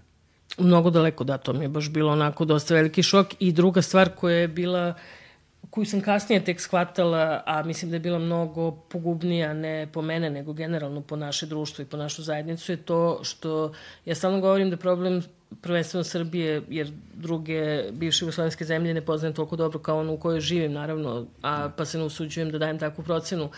Ali problem je ne to što mi kaskamo za drugim zemljama, ne samo u okruženju, nego u Evropi i svuda, ekonomski, tehnološki i tako dalje, mi kulturološki kaskamo. Mi smo deset godina najbržeg razvoja ljudske civilizacije proveli u ratovima jer da. su 90. zaista, to je vreme kada su i internet i kompjuter, bla, bla, bla, prosto Sve. se promenio svet, jel, za tih 10 godina. Mi smo se tada baktali, nažalost, nekim vrlo primalnim stvarima i tu mislim da smo propustili taj, taj voz i da ćemo zbog toga mnogo kasnije ući u taj, uh, uslovno rečeno, savremenost neku koju mislim, vrlo glup izraz, ali da. jasno ti je šta hoću da kažem. Ove, I ja sad opet Uh, ja sam imala tu privilegiju da sam mogla da dobijem vizu i da izađem iz zemlje i da odem ovamo i recimo u, posle bombardovanja, a ne znam da se sećaš koliko se sećaš tog perioda, ali da smo, već, da smo svi mislili da se ništa neće promeniti, da će ovaj večno sloba da bude na vlasti, da, da život nema smisla. Sećam se vrlo dobro, da. Znaš, sve, znači sve mislili smo da će ga, bom, odnosno Mislilo se da će bombardovanje da ga skloni, nije ga sklonilo. Bio je na neki patetični pokušaj uh, opozicije, nešto u avgustu, zovi ga spasuje, on, sećaš se toga? Kad toga se ne sećam, ne, ne sećam se toga. Pa nije teo Vuk da izađe na, na, na miting da priča i onda je spontano masa krenula da viče zovi ga spasuje, jer je spasuje Krunić, nešto pričam. Ne, pamtimo ono slonovske neke stvari. U svakom slučaju, prosto smo izgubili sad ovo govorim privatno naravno, jer uh, ne mogu profesionalno to da kažem, niti sam mogla to da kažem, ali izgubili smo nadu da će taj čovek nestati. Da. Ja sam sebi stalno govorila da ću da dam otkaz i da odim iz novinarstva kad sloba padne s vlasti, pa se to nije desilo. Pa ću da dr, i na kraju gasarani smo, ja i dalje ostala u novinarstvu. Da. Znači, ne, nema to. u svakom slučaju, ja sam tog marta 2000. znači već je godinu dana posle bombardovanja. Inače, Mm, e, bombardovanje je bilo ja sam pre toga bila u Rambujeu gde su se odvijeli oni pregovori, što je vjerojatno jedna od najbesmislenijih stvari koje sam u životu radila, jer smo tri nedelje ko neki paparaci sedeli ispred nekih ograda i čekali da nam se baci jedna žiška da se kaže šta i kako. Apsolutni besmisao, jer se naravno sve odvijelo negde drugde, a ne tu. Slobo uopšte nije bio tamo, Tači se jednom prilikom pojavio. Jedno vreme nam je glavna zanimacija bila da gledamo kako se muvaju, pa i na kraju smuvavaju Kristijana Amampur i njen tadašnji dečko, a budući muž James Rubin koji je bio portparol uh, State Department. Znači, apsolutno ništa. 20 dana sedenja u prazno, ono, besmisao. I, ali pretpostavljam da je tako sa svim tim diplomatskim budalaštinama i pregovorima, jer su uvek odluke donose negde drugde. I onda sam se vratila u Srbiju, a ja sam većinu stvari dok sam bila tamo saznavala od kolege koji je bio u Prištini. Više da. je znao on u Prištini i, ova, i kad će u Beogradu nego bilo ko drugi. Onda se vratila u Beograd pa sam otišla ponovo u Pariz za neki posljednje kao last minute pregovore koji će promeniti sve. I uh, vratila se ovde kada je to sve propalo uh, i otišla pravo pred stepenice predsedništva Srbije da čekam Holbruka da izađe da kaže da li je Sloba prihvatio mirovni plan ili nije. Što sve ovo pričam, uh, svi ljudi, ja sam zvala Kevu kad sam stizala i još par ljudi da im kažem da će da počne te večeri i da ono, kupe vodu što god, ali sam zvali mog dilera da mi donese cigare. Pošto jedina obsesija koju sam ja imala tokom svih tih skoro četiri godine je da ne ostanem bez cigarete, jer mi se desilo da u jednom trenutku ostanem bez cigarete i onda mi on doneo, e, znaš, onaj kao kartonska kutija, 100 boksova. Nekih cigareta koje sam ja to vreme pušila. Ja sam ih ja nešto uvijela u neke foli, nešto, budi sam. U svakom slučaju, bilo, bombardovanje bilo dosta problematično jer su nas Uh, AFP je, bez obzira koliko malo poznat u javnosti, ipak je strana firma, tako da smo bili optuživani, prisluškivani, sve već ono što treba, ali znači smak sveta, sloba nikad neće pasti sa vlasti, život nema smisla, da, da, da, da. da. I ja kažem sebi, pošto sam već toliko sebe dala, jel te, daj da se ja malo častim i odem u Pariz i provedem u martu 2020, 2000, 2000, 2000 tačno. Ove, radim malo tamo u firmi, ali ono, obilazim okolo šta se dešava i to je ono što bi izvuklo kao i ranije što mi izlačilo. Znači uvek sam se trudila da da sam neka druga osoba, je vjerojatno od E, plata koje sam imala i svega toga mogla da, ne znam, sad budem, nemam pojma, da, da, da imam stan u Beogradu na vodi, ali ja sam uvijek sve te pare trošila na sebe u smislu da mi je bilo važnije da odem u Budimpeštu na koncert Nika Kejva na koji koga nikada više neću ono moći da vidim jer će sloba večno biti na vlasti i tako da, dalje. Da, da. Tako sam u taj Pariz otišla isto za gomilu nekih koncerata i tu se recimo potrefilo, tu sam, to je bio Primal Scream ono kad je Zarkana ono i znači on je to... Tu, tu... Čekaj, reci, šta je ono za Arkana? Pa znaš da je ono nešto 99. da Gillespie nešto, kad, je, kad, je, kad su, nije Mojna Nap, nego ne mogu sedim koju stvar, e, pa je nešto kao izrazio podršku Arkanu, on, ne, neko je bio neki taj trač, naravno izmišljen potpuno, što će Bobby Gillespie znao Arkanu, mislim. Da, da, da. Nego je on valjda iz nekih novina nešto, pošto je imao uh, tigra onog kao, kao, kako se kaže, amblem šta ali, pa je ovaj to nešto drogiran, naravno, potpuno i nema pojma, pa je onda stalno ove, na koncertima nešto svastika ice, kad ide, znaš, nešto je to pominjao, budi bok s nama, i onda su ovde to u raznim tabloidima koji su tad bili mala deca u odnosu na današnje tabloide, to kao Bobby Gillespie pod, protiv bombardovanja Srbije ili tako neka budalaština. Da, da, da, da, da. Ove, ali ja sam tako, tako sam sebe čuvala, i onda je došao 5. oktobar koji ja nisam uopšte videla, ja sam sve vreme bila u kancelariji I tog dana sam uh, napisala, znam da smo posle brojali, uh, 7400 i nešto reči, što zvuči užasno mnogo, ok, tu je bilo gomila nekih floskula i klišeja koji su se samo ponavljale. Poput fokusa. Poput fokusa, ali ili ono, znaš, Le, Strongman, Slobodan Milošević i slične stvari, ali ja sam došla na posao 4. oktobra u jedan popodne, izašla sam s posla 6. oktobra u podne, samo da se istuširam i da se vratim nazad. Uh, šta se dešava. E, i onda sam stvarno mislila, bila sam dovoljno ovca, bez obzira i na iskustvo i na sve živo, mislila sam da će se nešto promeniti. Da, svi smo bili. Ali sam dosta dugo to mislila. To, to je ono što me, što me zabrinjava i razočarava. Ponovit ću, svi smo bili. Znaš, svi, smo, svi smo bili. Da. da ta, tačno je bila ta tačka sa bombardovanjem, odnosno kraja bombardovanja tog nekog antropološkog pesimizma, gde smo bili u zonu, ok, ono, nema nikakve budućnosti, nam se desio pad Slobodana Miloševića, se desila ta tačka antropološkog optimizma. S time što nismo znali šta s tim optimizmom, jer i dalje nismo imali mm, ništa. Mm, znaš. I to mm. je ono što, mislim, negde sad kad posmatram unazad nismo kapirali.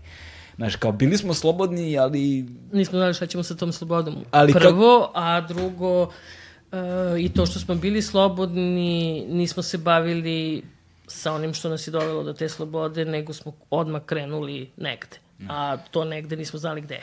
Nismo znali gde, tako da je opet i ta sloboda na kraju bila vrlo upitna, jer kao, ja se sećam, znaš, od, ja kao mlađi, ono, jel te, klinac koji sam tada imao 20, ono, plus godina, um, sećam se, sećam se toga kao šta mi vredi pasoš kad kao da nismo tad bili ni u šengenskom sporazumu, jel te, mora trebala, bila nam je neophodna viza za bilo koju zemlju.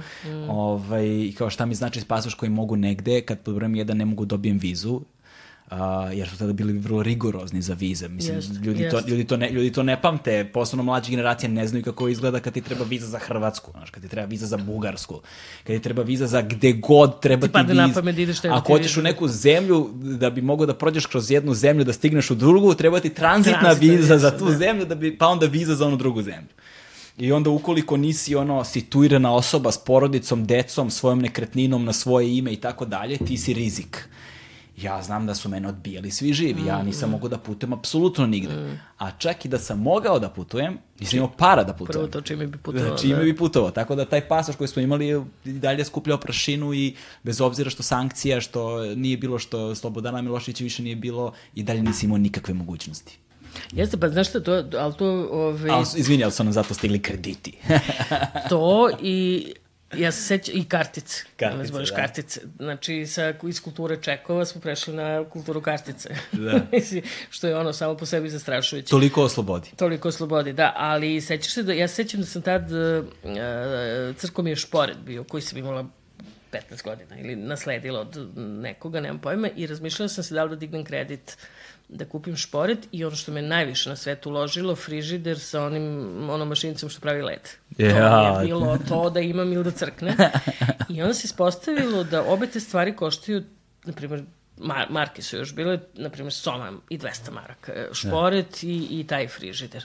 A ja da bi isplatila, da, naravno kredit sam htjela da dignem, a onda bih vratila nešto tipa 3000 maraka. Sad ja sam stvarno duduk za pare, ne, ne, bavim, ne bavim se time i ono, ne umem, ja prosto ne umem, samo 1 plus 1 je 2 i to je kraj moje priče.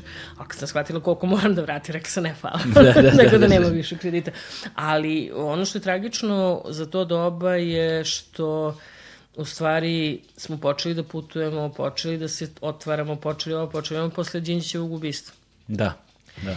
I što je taj period, zato smo i, to ne znam ko je to beš rekao, da li možda srećka, ne znam ko, da period velike nacionalne tragedije koja se dogodila, što Đinđićevo ubistvo i jeste, na stranu politika i uticaj na, na, na političku scenu i sve ostalo, ali uh, taj trenutak velike nacionalne tragedije se potrefio sa velikim slobodama koje smo konačno dobili. I možda jeste to razlog zašto mi nikada nismo, zašto u ovoj zemlji nikada nije istražan u potpunosti e, taj slučaj, odnosno Đinđićevo ubistvo, jer prosto naš, u Švedskoj je ubijen premijer i dan danas se priča o tome, i dan danas se vodi istraga o tome, i dan danas ono, se radovi pišu o tome. Ulof Palme je ubijen ima sad koliko, skoro 30 i nešto, da. više, 40 skoro godina. A ovde je Đinđićevo ubistvo postalo ono, ping-pong loptica koju jedni i drugi Da. S jedne strane ping-pong lotica, s druge strane footnota, ono, odnosno fusnota, Fusnote. isto, istorijski, istorijskih tako je. Ali to ima veze između ostalog i sa tom prezasićenošću sukoba na ovim prostorima. Prosto, Sigurno. Mislim, sad kad nabrajamo, znači kao kroz tvoju karijeru, kad prolazimo, mi zapravo sve vreme govorimo o strahovitim sukobima i o strahovitim stradanjima i govorimo o jednoj ogromnoj tradiciji, nažalost, Nažalost, tradiciji, tako je, tragedije i tako je. nesreće u čim raljama mi živimo i dan danas.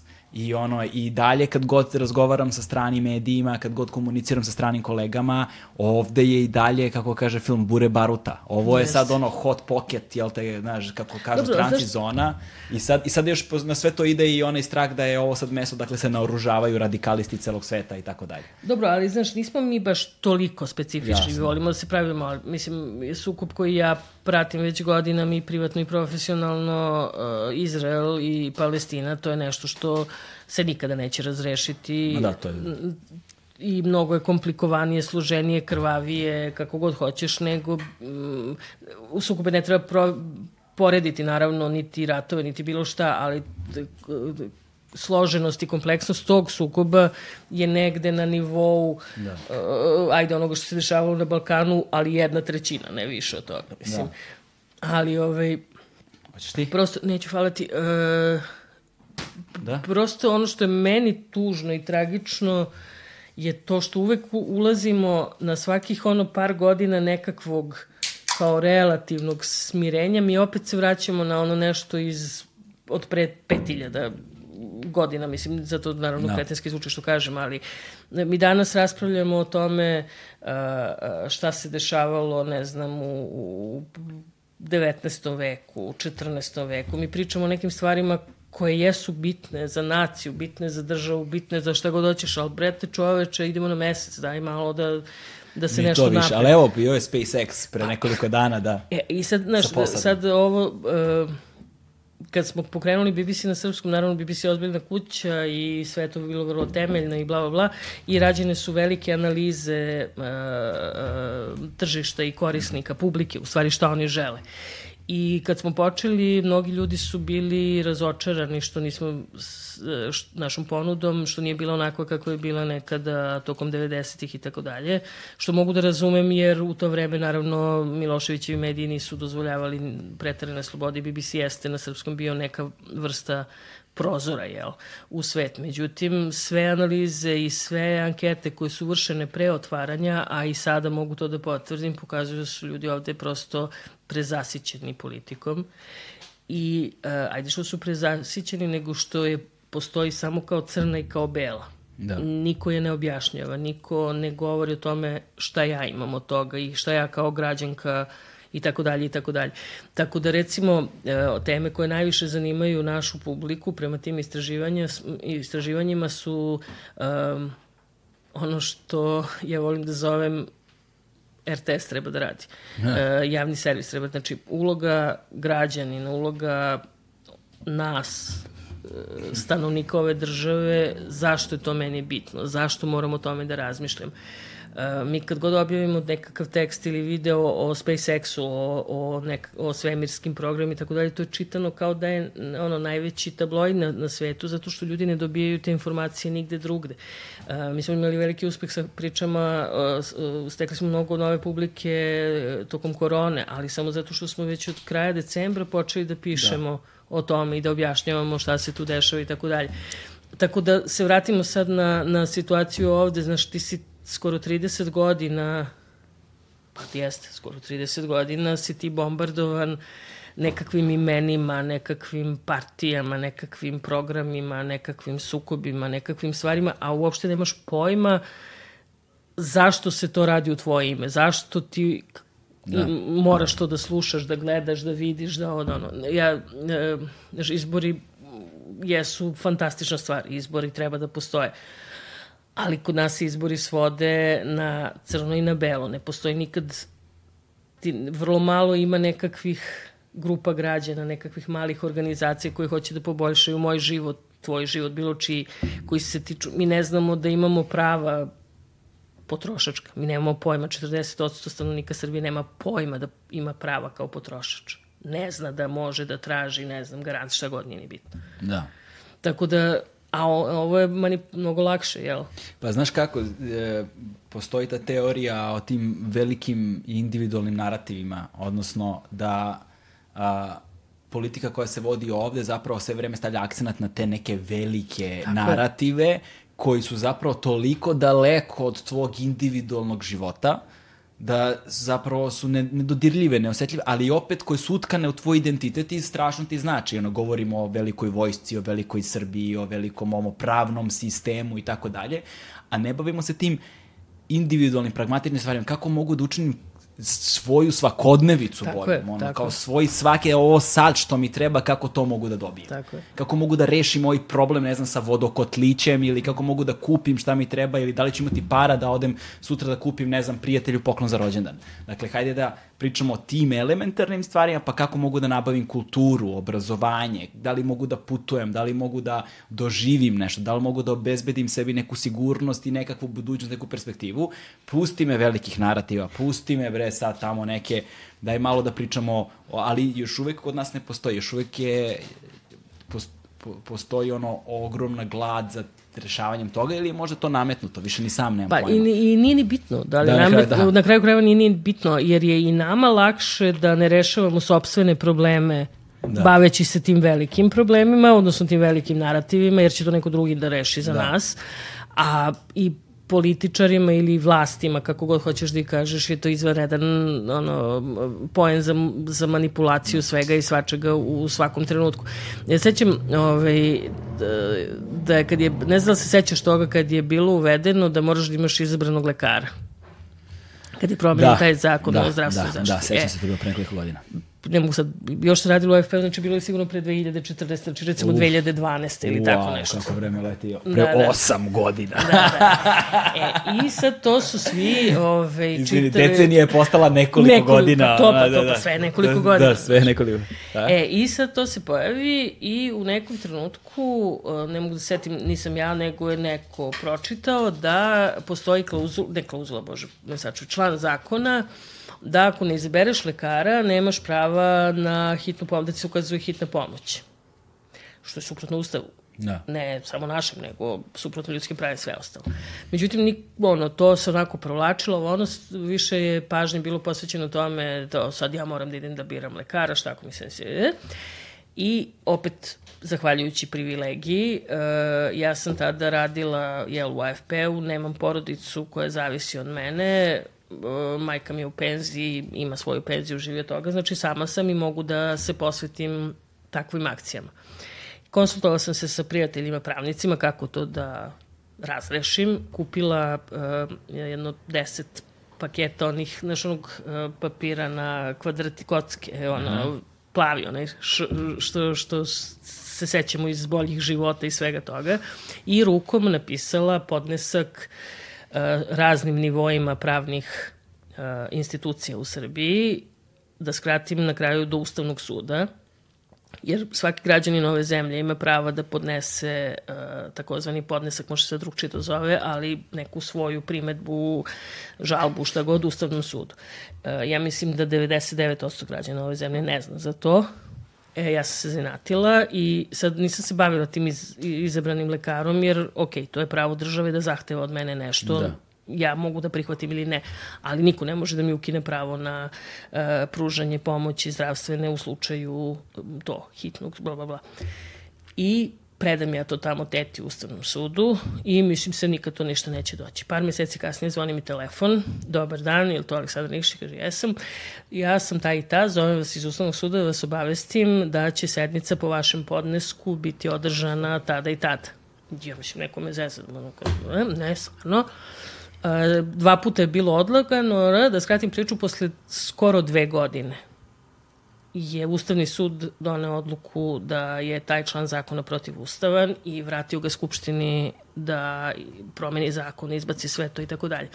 I sad, poenta moje priče, nisam ja bila jedina Erin Broković, bilo je još ljudi koji su se time bavili, koji su protiv toga, koji su to pročitali i, i krenuli to da rade.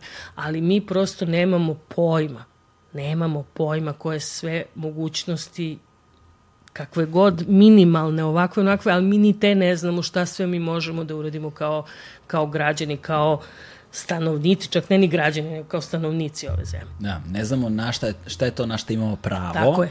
A, ne postoji ni jedno telo koje komunicira to Tako pravo, je. koje obrazuje ljude i kao stavlja im do znanja, ej, ti si ljudsko biće, građanin, stanovnik ove zemlje, imaš pravo na to, to, to i to. Tako je. I tu svoju slobodu ili svoje pravo a, primenjuješ na ovaj i ovaj način.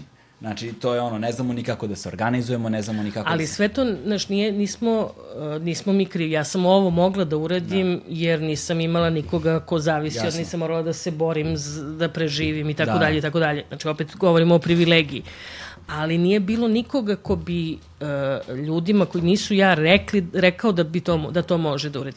Ja uh, nedavno stalno moram praviti neke analize koliko su nam čitani tekstovi, koliko jedan od najčitanijih naših tekstova je šta je to uh, bruto nacionalni uh, dohodak. dohodak. Znači, to je bukvalno kao politikin zabavnik 100 reči, 300 reči, 500 reči. To je i dalje, to je objavljeno, ja mislim ima godinu po dana kako je to objavljeno, to je i dalje jedno od najčitanijih, e, najčitanijih tekstova koji se stalno vraćaju. Ljudi ne znaju šta to znači. I onda googlaju šta je BDP. Upravo to. A znaš, svaki dan ti imaš nekoga na televizoru ko ti priča bla bla bla da. i slično. I to i jeste... Uh, da se vratimo na sam početak priče o novinarstvu i, o svem, i, i medijama i svemu tome. Novinarstvo ovde je, nažalost, i zbog dešavanja i zbog sobstvenog drugačijeg razvoja, a možda i malo zbog nekakvih drugačijih vrednosti, svedeno na pro i kontra. Da, da. E, da, postoji istraživačko novinarstvo za svaku pohvalu i sve je to e, vrhunac kvalitetnog i, i, i izuzetno cenjenog novinarstva, ali ne postoji ono posle i ono pre. Mm -hmm.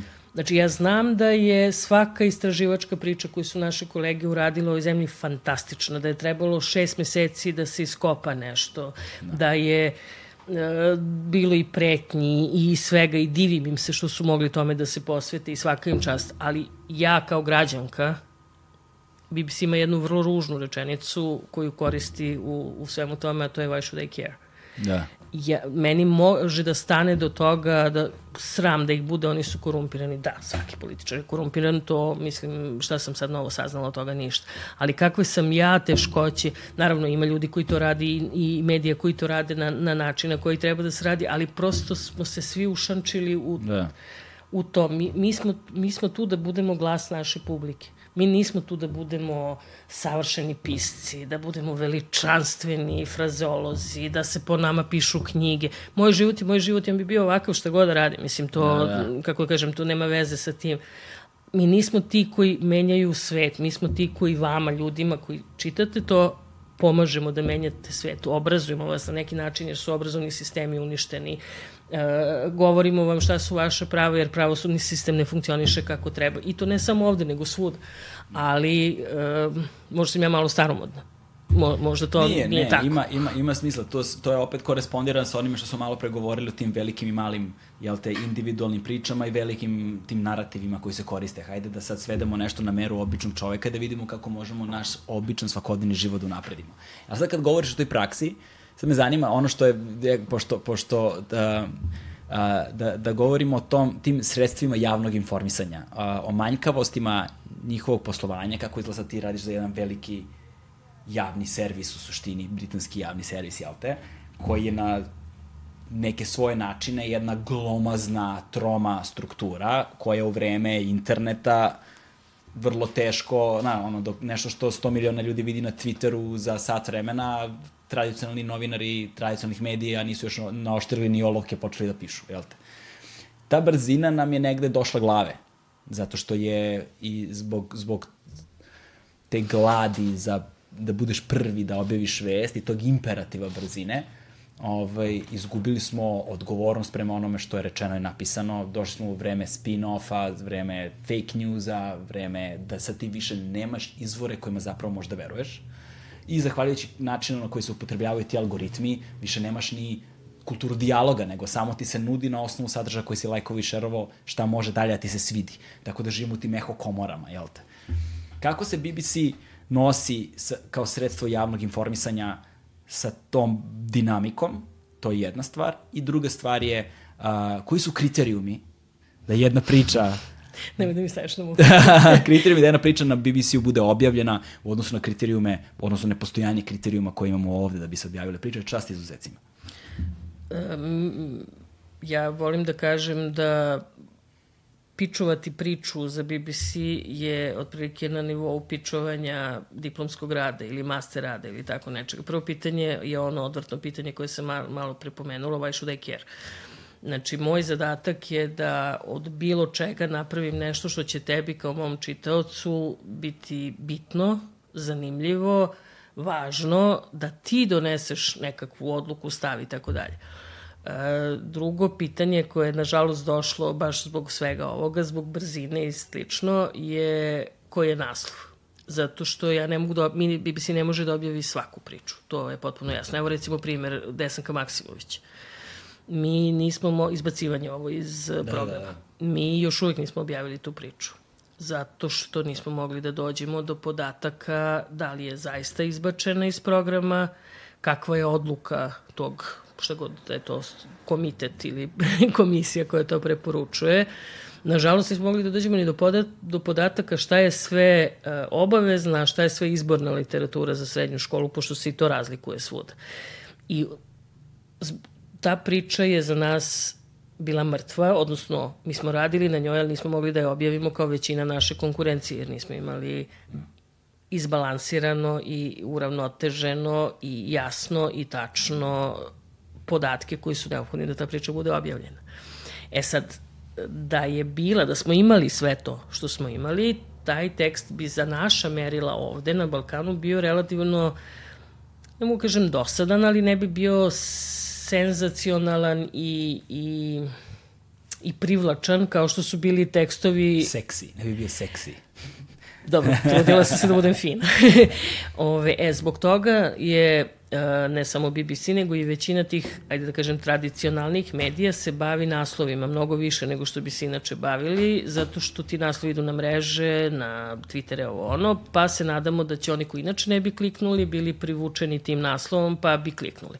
Ali e, BBC je dinosaurus, da se razumemo, nema, dakle, takve medijske kuće nema više nigde na svetu i to je sve samo zahvaljujući tome što je britanska kraljica Elizabeta potpisala taj BBC charter, tu povelju koja će uskoro da istekne, odnosno uskoro će morati da se, raz, da se raspravlja ponovo e, zašto i da li je potreban taj javni servis. Sve to nastalo u vreme dok je kolonijalizam još postojao, jel? I zbog toga postoje svi ovi svetski servisi E, BBC-a, to su servisi na različitim jezicima, najčešće i najprisutniji su tamo gde je Velika Britanija, odnosno Jedinjeno kralje su bilo najprisutnije.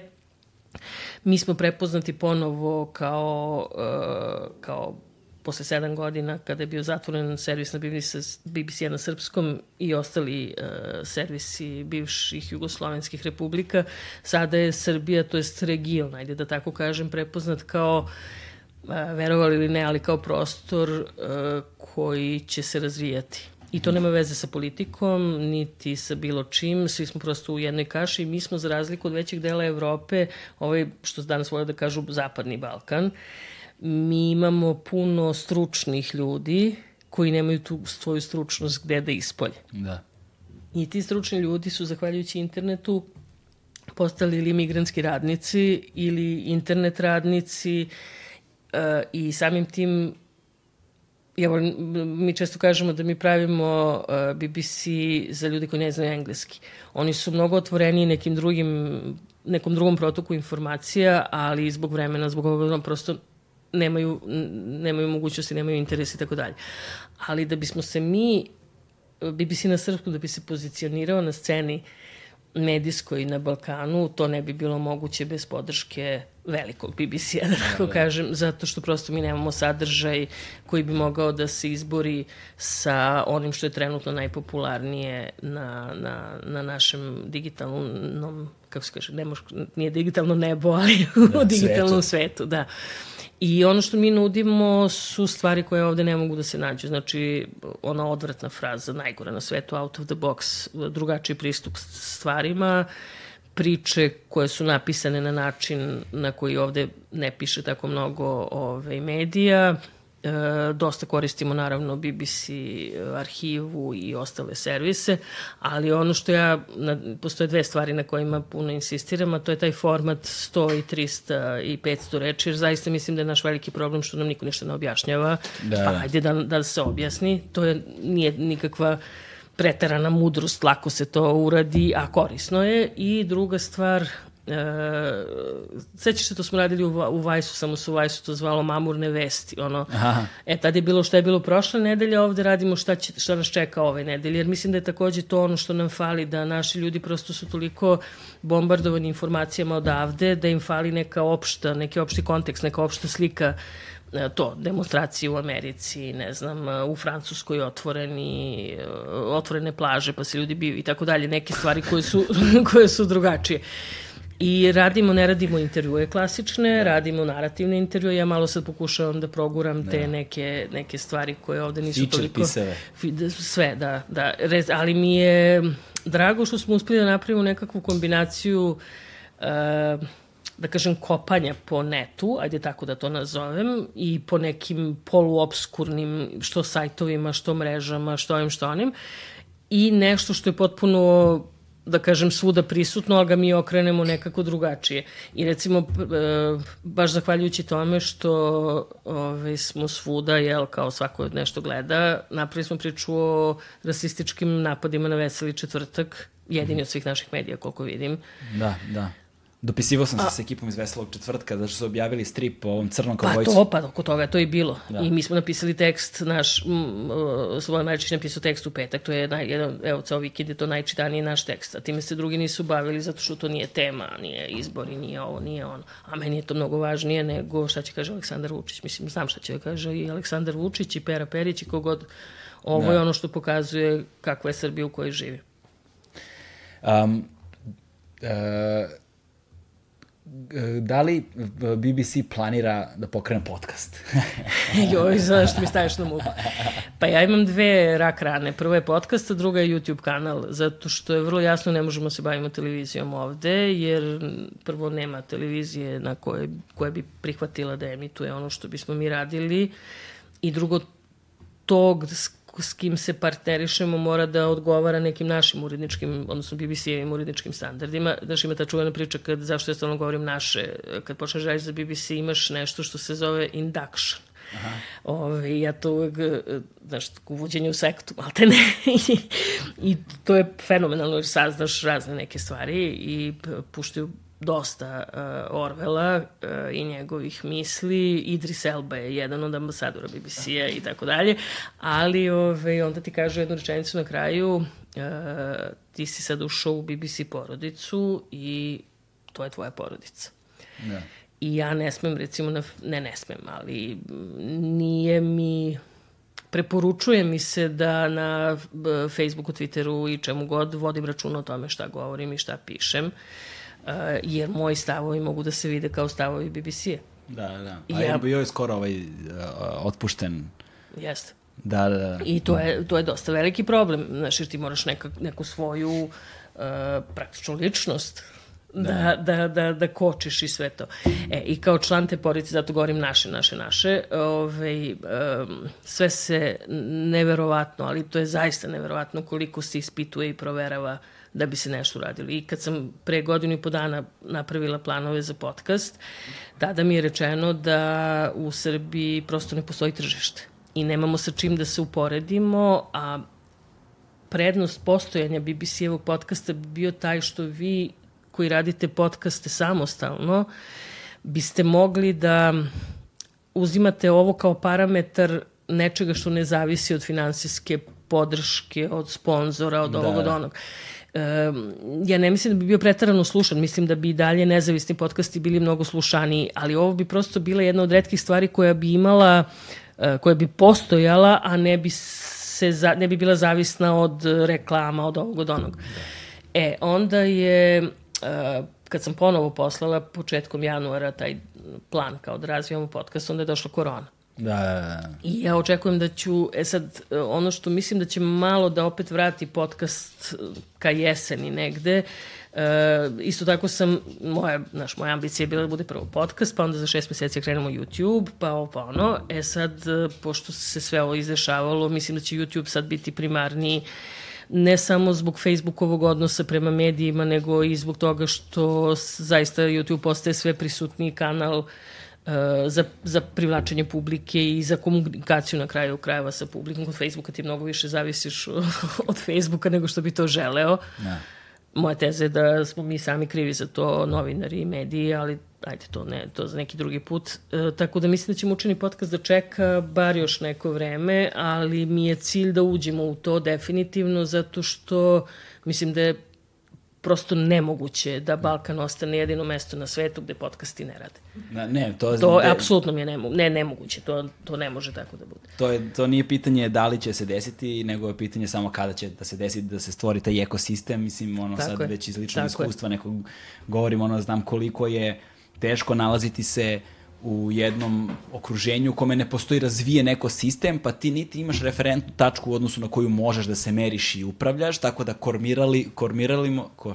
Kormilarimo. da, ovaj, o, a, u, u nepoznatom i ne znamo tačno kuda idemo i u kom smeru, na koji način, opet nisi siguran kako stvari mogu da se monetizuju, jer ti je to opet važno, s druge strane nisi siguran a, da li radiš dobru stvar ili ne radiš, nego sve ide nekakvim sistemom pokušaja i pogrešaka, pa tek kad napravim sranje znam da sam Znam ga da napravio, napravio, znaš, da. ne mogu Da. napred da predvidim ništa dok ne budem isprobao sve, pa tako, i tako da moramo ono malo glavom kroz zid, ali, Naravno. bože moj, ono. Zato je meni, znaš, zato bih, zato toliko insistiram na tom podcastu, jer bi to, znači opet se vraćam na privilegije, sve su samo privilegije. E, to bi bila ista vrsta privilegije koju sam imala za izabranog lekara. Da, znači da. ja mogu da uložim u taj podcast i da ne brinem o, o Paypalu i o Da, Patreonu. i šta god, kako se već sve to zove.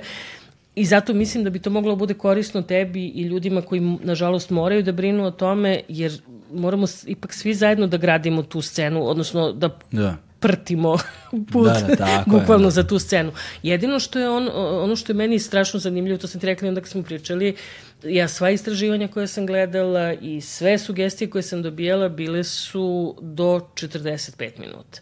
A vidiš, tvoj podcast je izuzetno uspešan i slušan, iako je mnogo duži od toga. E sad, da li je to ta anarhija jer ovde ne postoje pravila, a na zapadu se vrši procena trajanja podcasta po dužini kako se kaže, putovanja na posao i nazad, Aha, komjutovanja. komju- commutinga, da. Tako je. E, Da li to je, znaš, jer ja sve što sam do sada i slušala i gledala, sve maksimum, maksimum bio 35 minuta. Zato što postoji kultura slušanja podcasta. Znaš, i za, kada postoji kultura slušanja podcasta, ljudi su fokusirani na audio format. A audio format je nešto za poneti. Znaš, kao što uzimaš kafu za poneti, kao što, ne znam, uzimaš sendvič neki usput, kao što, ne znam, šta radiš usput, tako i ovo postaje za poneti. Na trotinetu, u kolima, na bicikli, u teretani, na pokretnoj traci, a, u autobusu, u gradskom prevozu, šta god. To su, to su ono glavne si, gl- glavni trenuci kada ti ono se posvećuješ sebi i imaš imaš ono to neko vreme za opuštanje, uživanje, neku vrstu eskapizma, ali i da nešto čuješ i naučiš. S druge strane, podcast nudi tu, ta, tu taj format nekog intimnog, da kažemo, neke intimne atmosfere, neke prirode običnog ljudskog razgovora, koja bez obzira na svu tu me, mega povezanost kroz društvene mreže koju danas živimo, ljudi su usamljeni. Imamo ono epidemiju usamljenosti i u tom a, putovanju, kad se ljudi nazvu špicevima, u gužvama saobraćenim, a, podcasti ti bukvalno spašavaju život. Ono, sedneš i počinje neka priča, recimo ja volim da slušam NPR, ono Hidden Brain i slične neke podcaste, koji su genijalni i tačno toliko traju. To je ono od 24 do 52 minuta maksimum u zavisnosti od priče. Ja od tačke A do tačke B čujem jednu priču, dobijem pregršt informacija, I to je to. ušao, izašao i vratio sam se nazad tamo šta, to što treba da završi. A druga stvar koju mi ovde moramo da, da promenimo takođe je i to što ljudi vezuju audio sa, sa muzikom. Da. I što kad im kažeš da je podcast samo priča, ko, koga, ja, ja prva ću da kažem koga ću slušati dva sata, se, sebe ne mogu slušati dva sata, ali evo, poričem sada jer pričamo dva sata. Da, da, da. Ali e, to je nešto što mora da se promeni i u, jer mi smo imali taj e, tu propast radija krajem 90-ih i tokom 2000-ih kad je jedan put uletela ona Virgin uh, scheduling ili kako se već to zove Formatizacija. formatizacija da sa tim um, pesmama na radiju, sa, sa ono kod nas radio kao govorni radio, eventualno još postoji na Beogradu 2 i nigde više što nije ništa, ajde da kažem, opet sada ne preterujem, nismo mi krivi za to, dešava se to svuda u svetu, ali sad ti te ljude koji su navikli da slušaju uh, ove radio stanice koje emituju samo muziku, treba da vratiš na slušanje tuđih glasova, a pritom ne smemo da zaboravimo i ono divno, šta on ima meni da kaže, ja znam bolje. Tako je. Tako da, e, mislim da tu mora i da, nažalost, mislim da neće biti dovoljno da, da, da BBC pokrene taj podcast, niti će biti dovoljno da tvoj podcast bude još uspešniji nego što je sad, jer zaista jeste za šest meseci skočiti ovoliko, to je stvarno upoređivala sam sa različitim drugim i zemljama i podcastima i svim ostalim, to je stvarno za, za, za nevjerovatnu pohvalu, ali mislim da će morati i to je ono što se recimo u Rusiji desilo. Oni su imali takav skok uh, uh, u podcastima godinu dana i onda je jedan put došao pad. Jer prosto nije došlo do nekog ne ka- ne znam, možemo kažemo transformisanja, ali ne, nekakvog rasta ili, ili, ili razvoja. Da, da. Stabilizacije, stabilizacije. Možda, možda tržišta na... Nek, Ne da toliko tržišta, nego su podcasti ostali isti. A, E, to, Znaš, to, ništa se da. nije menjalo, stalno je sve bilo isto i ljudi su prosto počeli da odlaze i nisu se više vraćali. Tako da mislim da, da bismo ovde morali mnogo više da, znaš, jer ovde će neko ti kaže, ne znam, ja, ja sam mislila da jedan od naših podcasta bude vezan i za kuvanje. Da. To je blic žena. Nije to, to, to je život.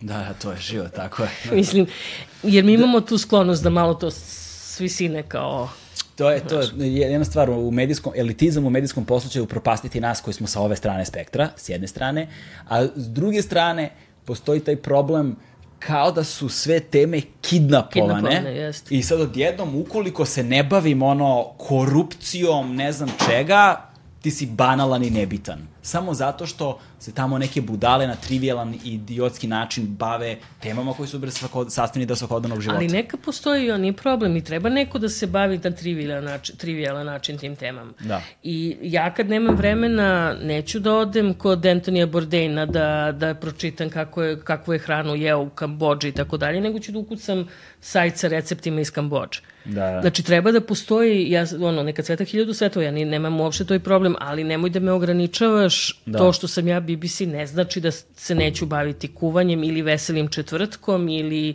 čime god se bavim. Isto tako, ti ako si podcast uh, koji razgovara sa ljudima, ti ćeš da razgovaraš sa onima koji su ti zanimljivi bez obzira ko su oni i šta su. Tako. Znači, ja, oče, ja od tebe sada očekujem da će ti gosti biti neki ljudi sa koje nikad nisam čula. Da jer to je ono što mi je i privuklo tvom i, i nekim drugim podcastima. Znaš, I zato kažem, neka Sveta Hiljada, moramo, mi smo se ovde mnogo učaurili u svemu. Mm. Znaš, ja se zezam sa ovim mojim klincima, znaš, ja kad sam sad ovo će da zvuči najstrašnije na svetu, ali ono, za kraj je idealno. Kad se ja išla u srednju školu i u osnovnu školu, mi prosto se prosto se nije uzimalo u obzir da postoje narodnjaci. Da ok, ja sam mnogo, mat, mnogo dovoljno sam matora da mogu pričam o tome, ali ja prosto nisam, kako ti kažem, ne bi mi palo na pamet da napravim žurku na kojoj će da se pusti recimo Toma Zdravković. Ja nisam imala pojma ko je Toma Zdravković, niti me zanimalo, ali prosto ta ta različitost, ta, to je bilo nešto što nije deo moga sveta. Da. I taj elitizam me je upropastio jer zbog tog elitizma verovatno nisam upoznala gomilu interes, inter, interesantnih ljudi. Zbog tog elitizma i takvog snobovskog stava i dan danas odbacujem da, ne znam, pročitam knjigu nekoga ko mi je preporučen uh, kao, ne znam, uh, ideolog novog vremena ili tako dalje. Mm. Sećaš se kolike smo rasprave vodili o raznim reperima i sličnim stvarima, i, ali je um, jedino opravdanje koje nalazim za, za to vreme je bilo uh, to što se je društvo bilo vrlo polarizovano u smislu da nisi imao baš mnogo izbora, pa si imao mm. ili ovo ili ono. E tako danas imam opet isto, ili ovo ili ono, znači imam medije, kulturu, uh, obrazovanje, šta god hoćeš, koje je većinsko, mm -hmm. koje je na neki način mainstream, ali ne na onaj pravi način mainstream, i imam ovo što je drugačije. Ja nevrovatno cenim naše kolege iz medija koji se bore za svaki klik za svaki, eh, oni prosto moraju da urade toliko mnogo više od onoga što ja moram da uradim, odnosno moji novinari, ali im zameram to da su se pretvorili, da su da sebe smatraju elitom. Da, da, da. Eh, razumeš šta hoću da kažem i nadam se da se oni neće ljutiti zbog toga, ali to što pišeš o korupciji, to što pišeš o ne znam, e, sudstvu, što pišeš o kriminalu, što, što, što otkrivaš neke stvari, što mi govoriš kakav je ovaj izborni program, onaj, nemoj zbog toga da ni podaštavaš nešto što tvog čitaoca takođe zanima. Kuvanje, na primjer. Na primjer. Da. da. I ja samo poslednje pitanje, a, kada, koji, su, ko, koji su kriterijumi da se neko, pošto vi s vremena na vreme zapošljavate nove ljude, Tako je, i imamo tu divnu mogućnost da ne moraš da se zaposliš kod nas, ali u slučaju da pišeš za nas ili da na neki način sarađuješ za nas, sva, imaš ista prava kao i oni koji se zaposle preko autorskog ugovora. Ne. Znači, sa svakim, uh, kogod radi za BBC bilo šta će biti plaćen na legalan zakonski e, način e, da. i sve ostalo. Ne moraju da se izloče lova. Ništa, da to, ništa, e, ništa. Dakle, uh, uh, koje kriterijume treba da ispuni neko ko želi da se zaposli u BBC-u, to je prva stvar, i druga stvar je kako izgleda ta procedura, procedura uh, inicijacije, jel te, uh, šta se, kako izgleda korak po korak trenutak kada dobiješ zapravo taj posao? Znači prvo kako izgleda, šta treba da ispuniš, a drugo kako... Pa mnogo je teško, moram odmah da kažem. Meni je trebalo, znači popunjava se nekakva aplikacija e, i to je prvi korak koji treba da uradiš i to traje, brate, jedno tri sata dok da. ti to sve popuniš i radi se potpuno drugačije od svega što, što nešto smo mi ovde navikli i moraš da navodiš 300 nekih stvari. Jedino olakšavajući okolnosti što možeš da sačuvavaš pa da se vraćaš i tako dalje, ali je dosta obeshrabrujuće. Ja sam bila posle recimo sat i po sam bila, ne mogu se smara više da neki dan dalje, ali hvala Bogu nisam to uradila. E onda posle toga ide deo kojim je dosta onako, uh, dosta otvara oči, a to je test. Jer svaku, na koju god poziciju da se, uh, da se prijavi, mora da prođe test koji se sastoji iz nekoliko nivoa, a već si imao neka test pitanja u toj aplikaciji. Uh, I ako to prođe, onda se poziva na intervju. E, Ka, kakav je taj test? Test je recimo jedan od testova, je, ne mogu da govorim o svima, ali jedan od testova je, na primjer, ja ti dam tri teksta o nečemu, da mi ti napraviš jedan, ali da bude uh, takav kakav ti misliš da će BBC da ga objavi. Aha, okej. Okay što, kako kažem, ako se pripremaš za posao u nekoj firmi, onda ćeš pogledati kako ta firma radi, u ovom slučaju kako piše. E, meni je to malo bio, odnosno ne malo, malo više, moram da budem iskrena, uh, razočarenje, jer je najmanji broj onih koji to urade onako kako to piše na BBC-u. Znači, ne ulazim u to da li su grešili u ovom i ovom, nego prosto većina odgovora koja ja dobijem na tim testovima je uh, predsednik Vučić je na samitu zemalja Zapadnog Balkana rekao da će Srbija, znači ono što slušamo na vestima, na ono, na ono. E sad, tu ima gomila razloga. Jedan je to što kod nas ne postoji nikakvo kritičko mišljenje, mm. nikad nismo naučeni da kritički mislimo, isto tako, znači samim tim ne postoji novinarstvo koje će postavljati pitanja i bla, bla, bla, bla, bla, bla, ali moram da kažem da se plašim da je malo to i lenjost u pitanju, jer ako konkurišeš za neki posao, onda si malo, morao malo da pogledaš kako da. to ide, ovo što sam malo pre rekla. E, ono što je, na, sad, tu su, ovde su bili neki poeni, sad su ovde neki poeni i bit će posle poeni ove, ne, sa intervjua koji će se voditi, ali ono što je najzanimljivije u celoj priči što ja do samog kraja, znači do dana in, pred intervju, ja nemam pojma ko su svi ti ljudi. Aha. Znači, to su sve šifre, e, ovaj, kadrovsko odeljenje u Londonu to pregledava, postoji, pošto je sve na engleskom, sve se naravno e, tamo pregledava, onaj deo koji je na srpskom šalje se osobi koja nije, nisam ja nego nije uključena u taj period izbora, ali se opet šalje po šifrom, tako da ja do samog kraja, kraja dok ne bude intervju, nemam pojma ko su ljudi koji... Tako da ne možeš da budeš pristrasna. Ni na koji način ne mogu da budem pristrasna. Ne znaš ni da li je muško, ni da li je žensko, ni kog je uzrasta, pa, obrazovanja. Neki put, nažalost, moram da kažem da taj deo sa rodom bude malo problematičan, zato što kad se popunjava ta aplikacija, onda ima nekih pitanja, mm -hmm. uh, pa onda na osnovu to, srpskog znači taj yeah. deo koji je na srpskom, na ostu srpskog mogu da provalim ko je ko. Da, da, da. da li da, muško ili žensko, ali... To su, to su ove kongruentske kategorije. da, ali ostalo, ostalo nema ništa. Ali je zato, zato mislim da je mnogo da je mnogo super to što ko ne želi da se zapo, odnosno ne želi, ko ne može da se zaposli, nema prilike, mi za sad nećemo, bar još jedno, sigurno jedno 6-7 meseci, nećemo nikog novog primati, ali ako imate, ako neko ima priču za nas, ako neko želi nešto da napiše, dovoljno da pošalje mail i onda ćemo zajedno raditi, dakle moji urednici i ja u jednako vreme provodimo radeći na pričama ljudi koji su zaposleni i onih koji nam šalju. I e, recimo imamo fantastičnu saradnju sa ljudima iz cele Srbije koji nam, neki od njih nisu ni novinari uopšte, nego prosto zajedno pišemo na tome. I tu se ponovo, ponovo, ponovo potvrđuje ono isto da prosto ljudi hoće da izađu iz ovog babla, ili ne znam kako da ga nazovem, u koje su nas naterali, uh, naterali ovaj način informisanja i to kako se mediji ovde okružuju.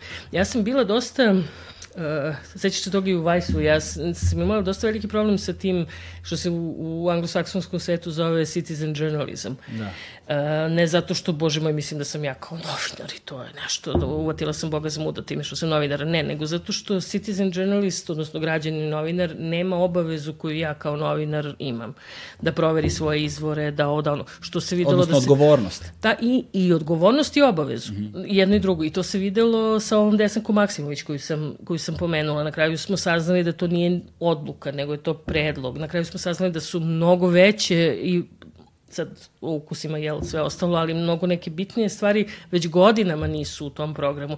Na kraju krajeva niko se nije, znaš, mi sad, e, zašto... Ne znam, je li ima, je li ima Ivana Lalića u programu? Ne pojma, recimo ako ga nema, znaš. Ali, znaš, nije stvar, ne ulazim ja da li je vredna Desanka Maksimović ili je vrednija od ovoga ili onoga, svako naravno o, o tome govori na način na koji je struja, nisam stručna za to pa ne mogu ni da procenim, ali zar nije, niko se nije zapitao od svih ljudi koji su se bunili zbog toga i radili sve to, jel ta bre deca uopšte nešto čitaju?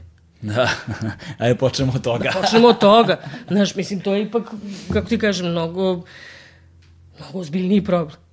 Jeste, istina, istina. To je jedan od razloga zašto ja ovaj, uvek koristim odlomak na početku, jer pokušavam nekako tu, to intimno iskustvo čitanja da vratim u javni prostor na bilo koji način, jer ispostavilo se da se o knjigama nikada uopšte ni na koji način ne govori. Ne govori. Govori se o piscima. Tako je. Onog trenutka kad osvoje neku nagradu ili bude neki politički skandal, kao što je sa Handkeom ili ne Tako znam, je. kao što je sa Ninom. Ali o samom romanu, o kao književnom umetničkom delu, o njegovim temama, idejama, strukturama, ovome onom, se ne govori. Prvi smo da osudimo ukoliko je neka uh, uh, društveno osetljiva tema, koja nije baš po ono a, standardima koji su postavljeni za uh, veličinu našeg dragog nacionalnog identiteta. To se uglavnom više dešava sa filmom, recimo. Jeste, ali se- ima i sa knjigama. i sa knjigama, ali ni o knjigama se bre ne govori, o pričama se ne govori. Ljudi pišu, ima savremenih pisaca pregršt, ali eto. A kad Ili se govori na previše akademski način O, to tek, da, to je elitizam. Pa dobro, okej, m, znaš, ja kažem ti opet, pre, da sam u tvojim godinama bi isto tako reagovala, a sad sam malo motorija, pa kao svako ima pravo da radi ono, Ne, ima pravo, dalje, ne, ima, ali... pra, ima pravo, ali ono što, izvini što te prekidam sada, nego hoću da kažem da kada se govori o književnosti, obično se ljudi iz sveta književnosti obraćaju ljudima iz sveta književnosti. Znaš, I, I nameću ono što oni misle da vredi kao nekakvu apsolutnu vrednost koju treba svi da... Meni je to veći problem nego, nego kome se obraćaju i kako se obraćaju. S druge strane, znaš isto, ja... Na, na, znači, ista je stvar, mi smo svi zaboravljali, zaboravili da se, da komuniciramo, to jeste osnovni problem.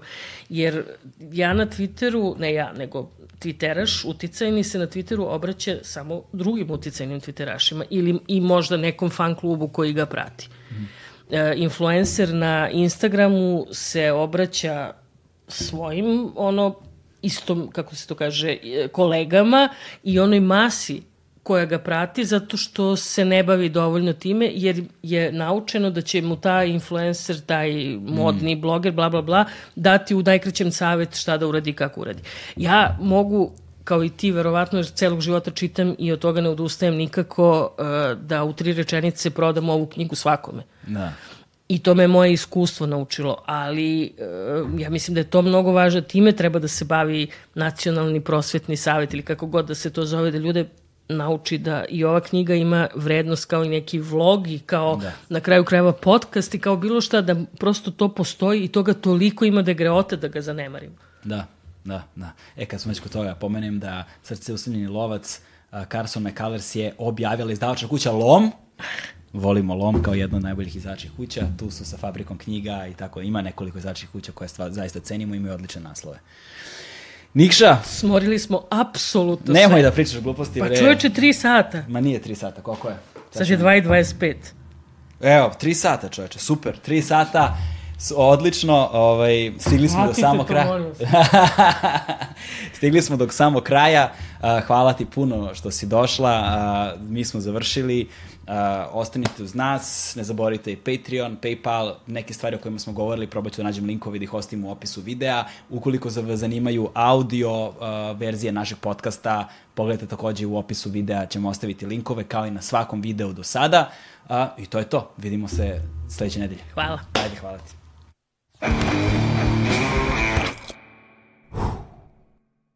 Hmm.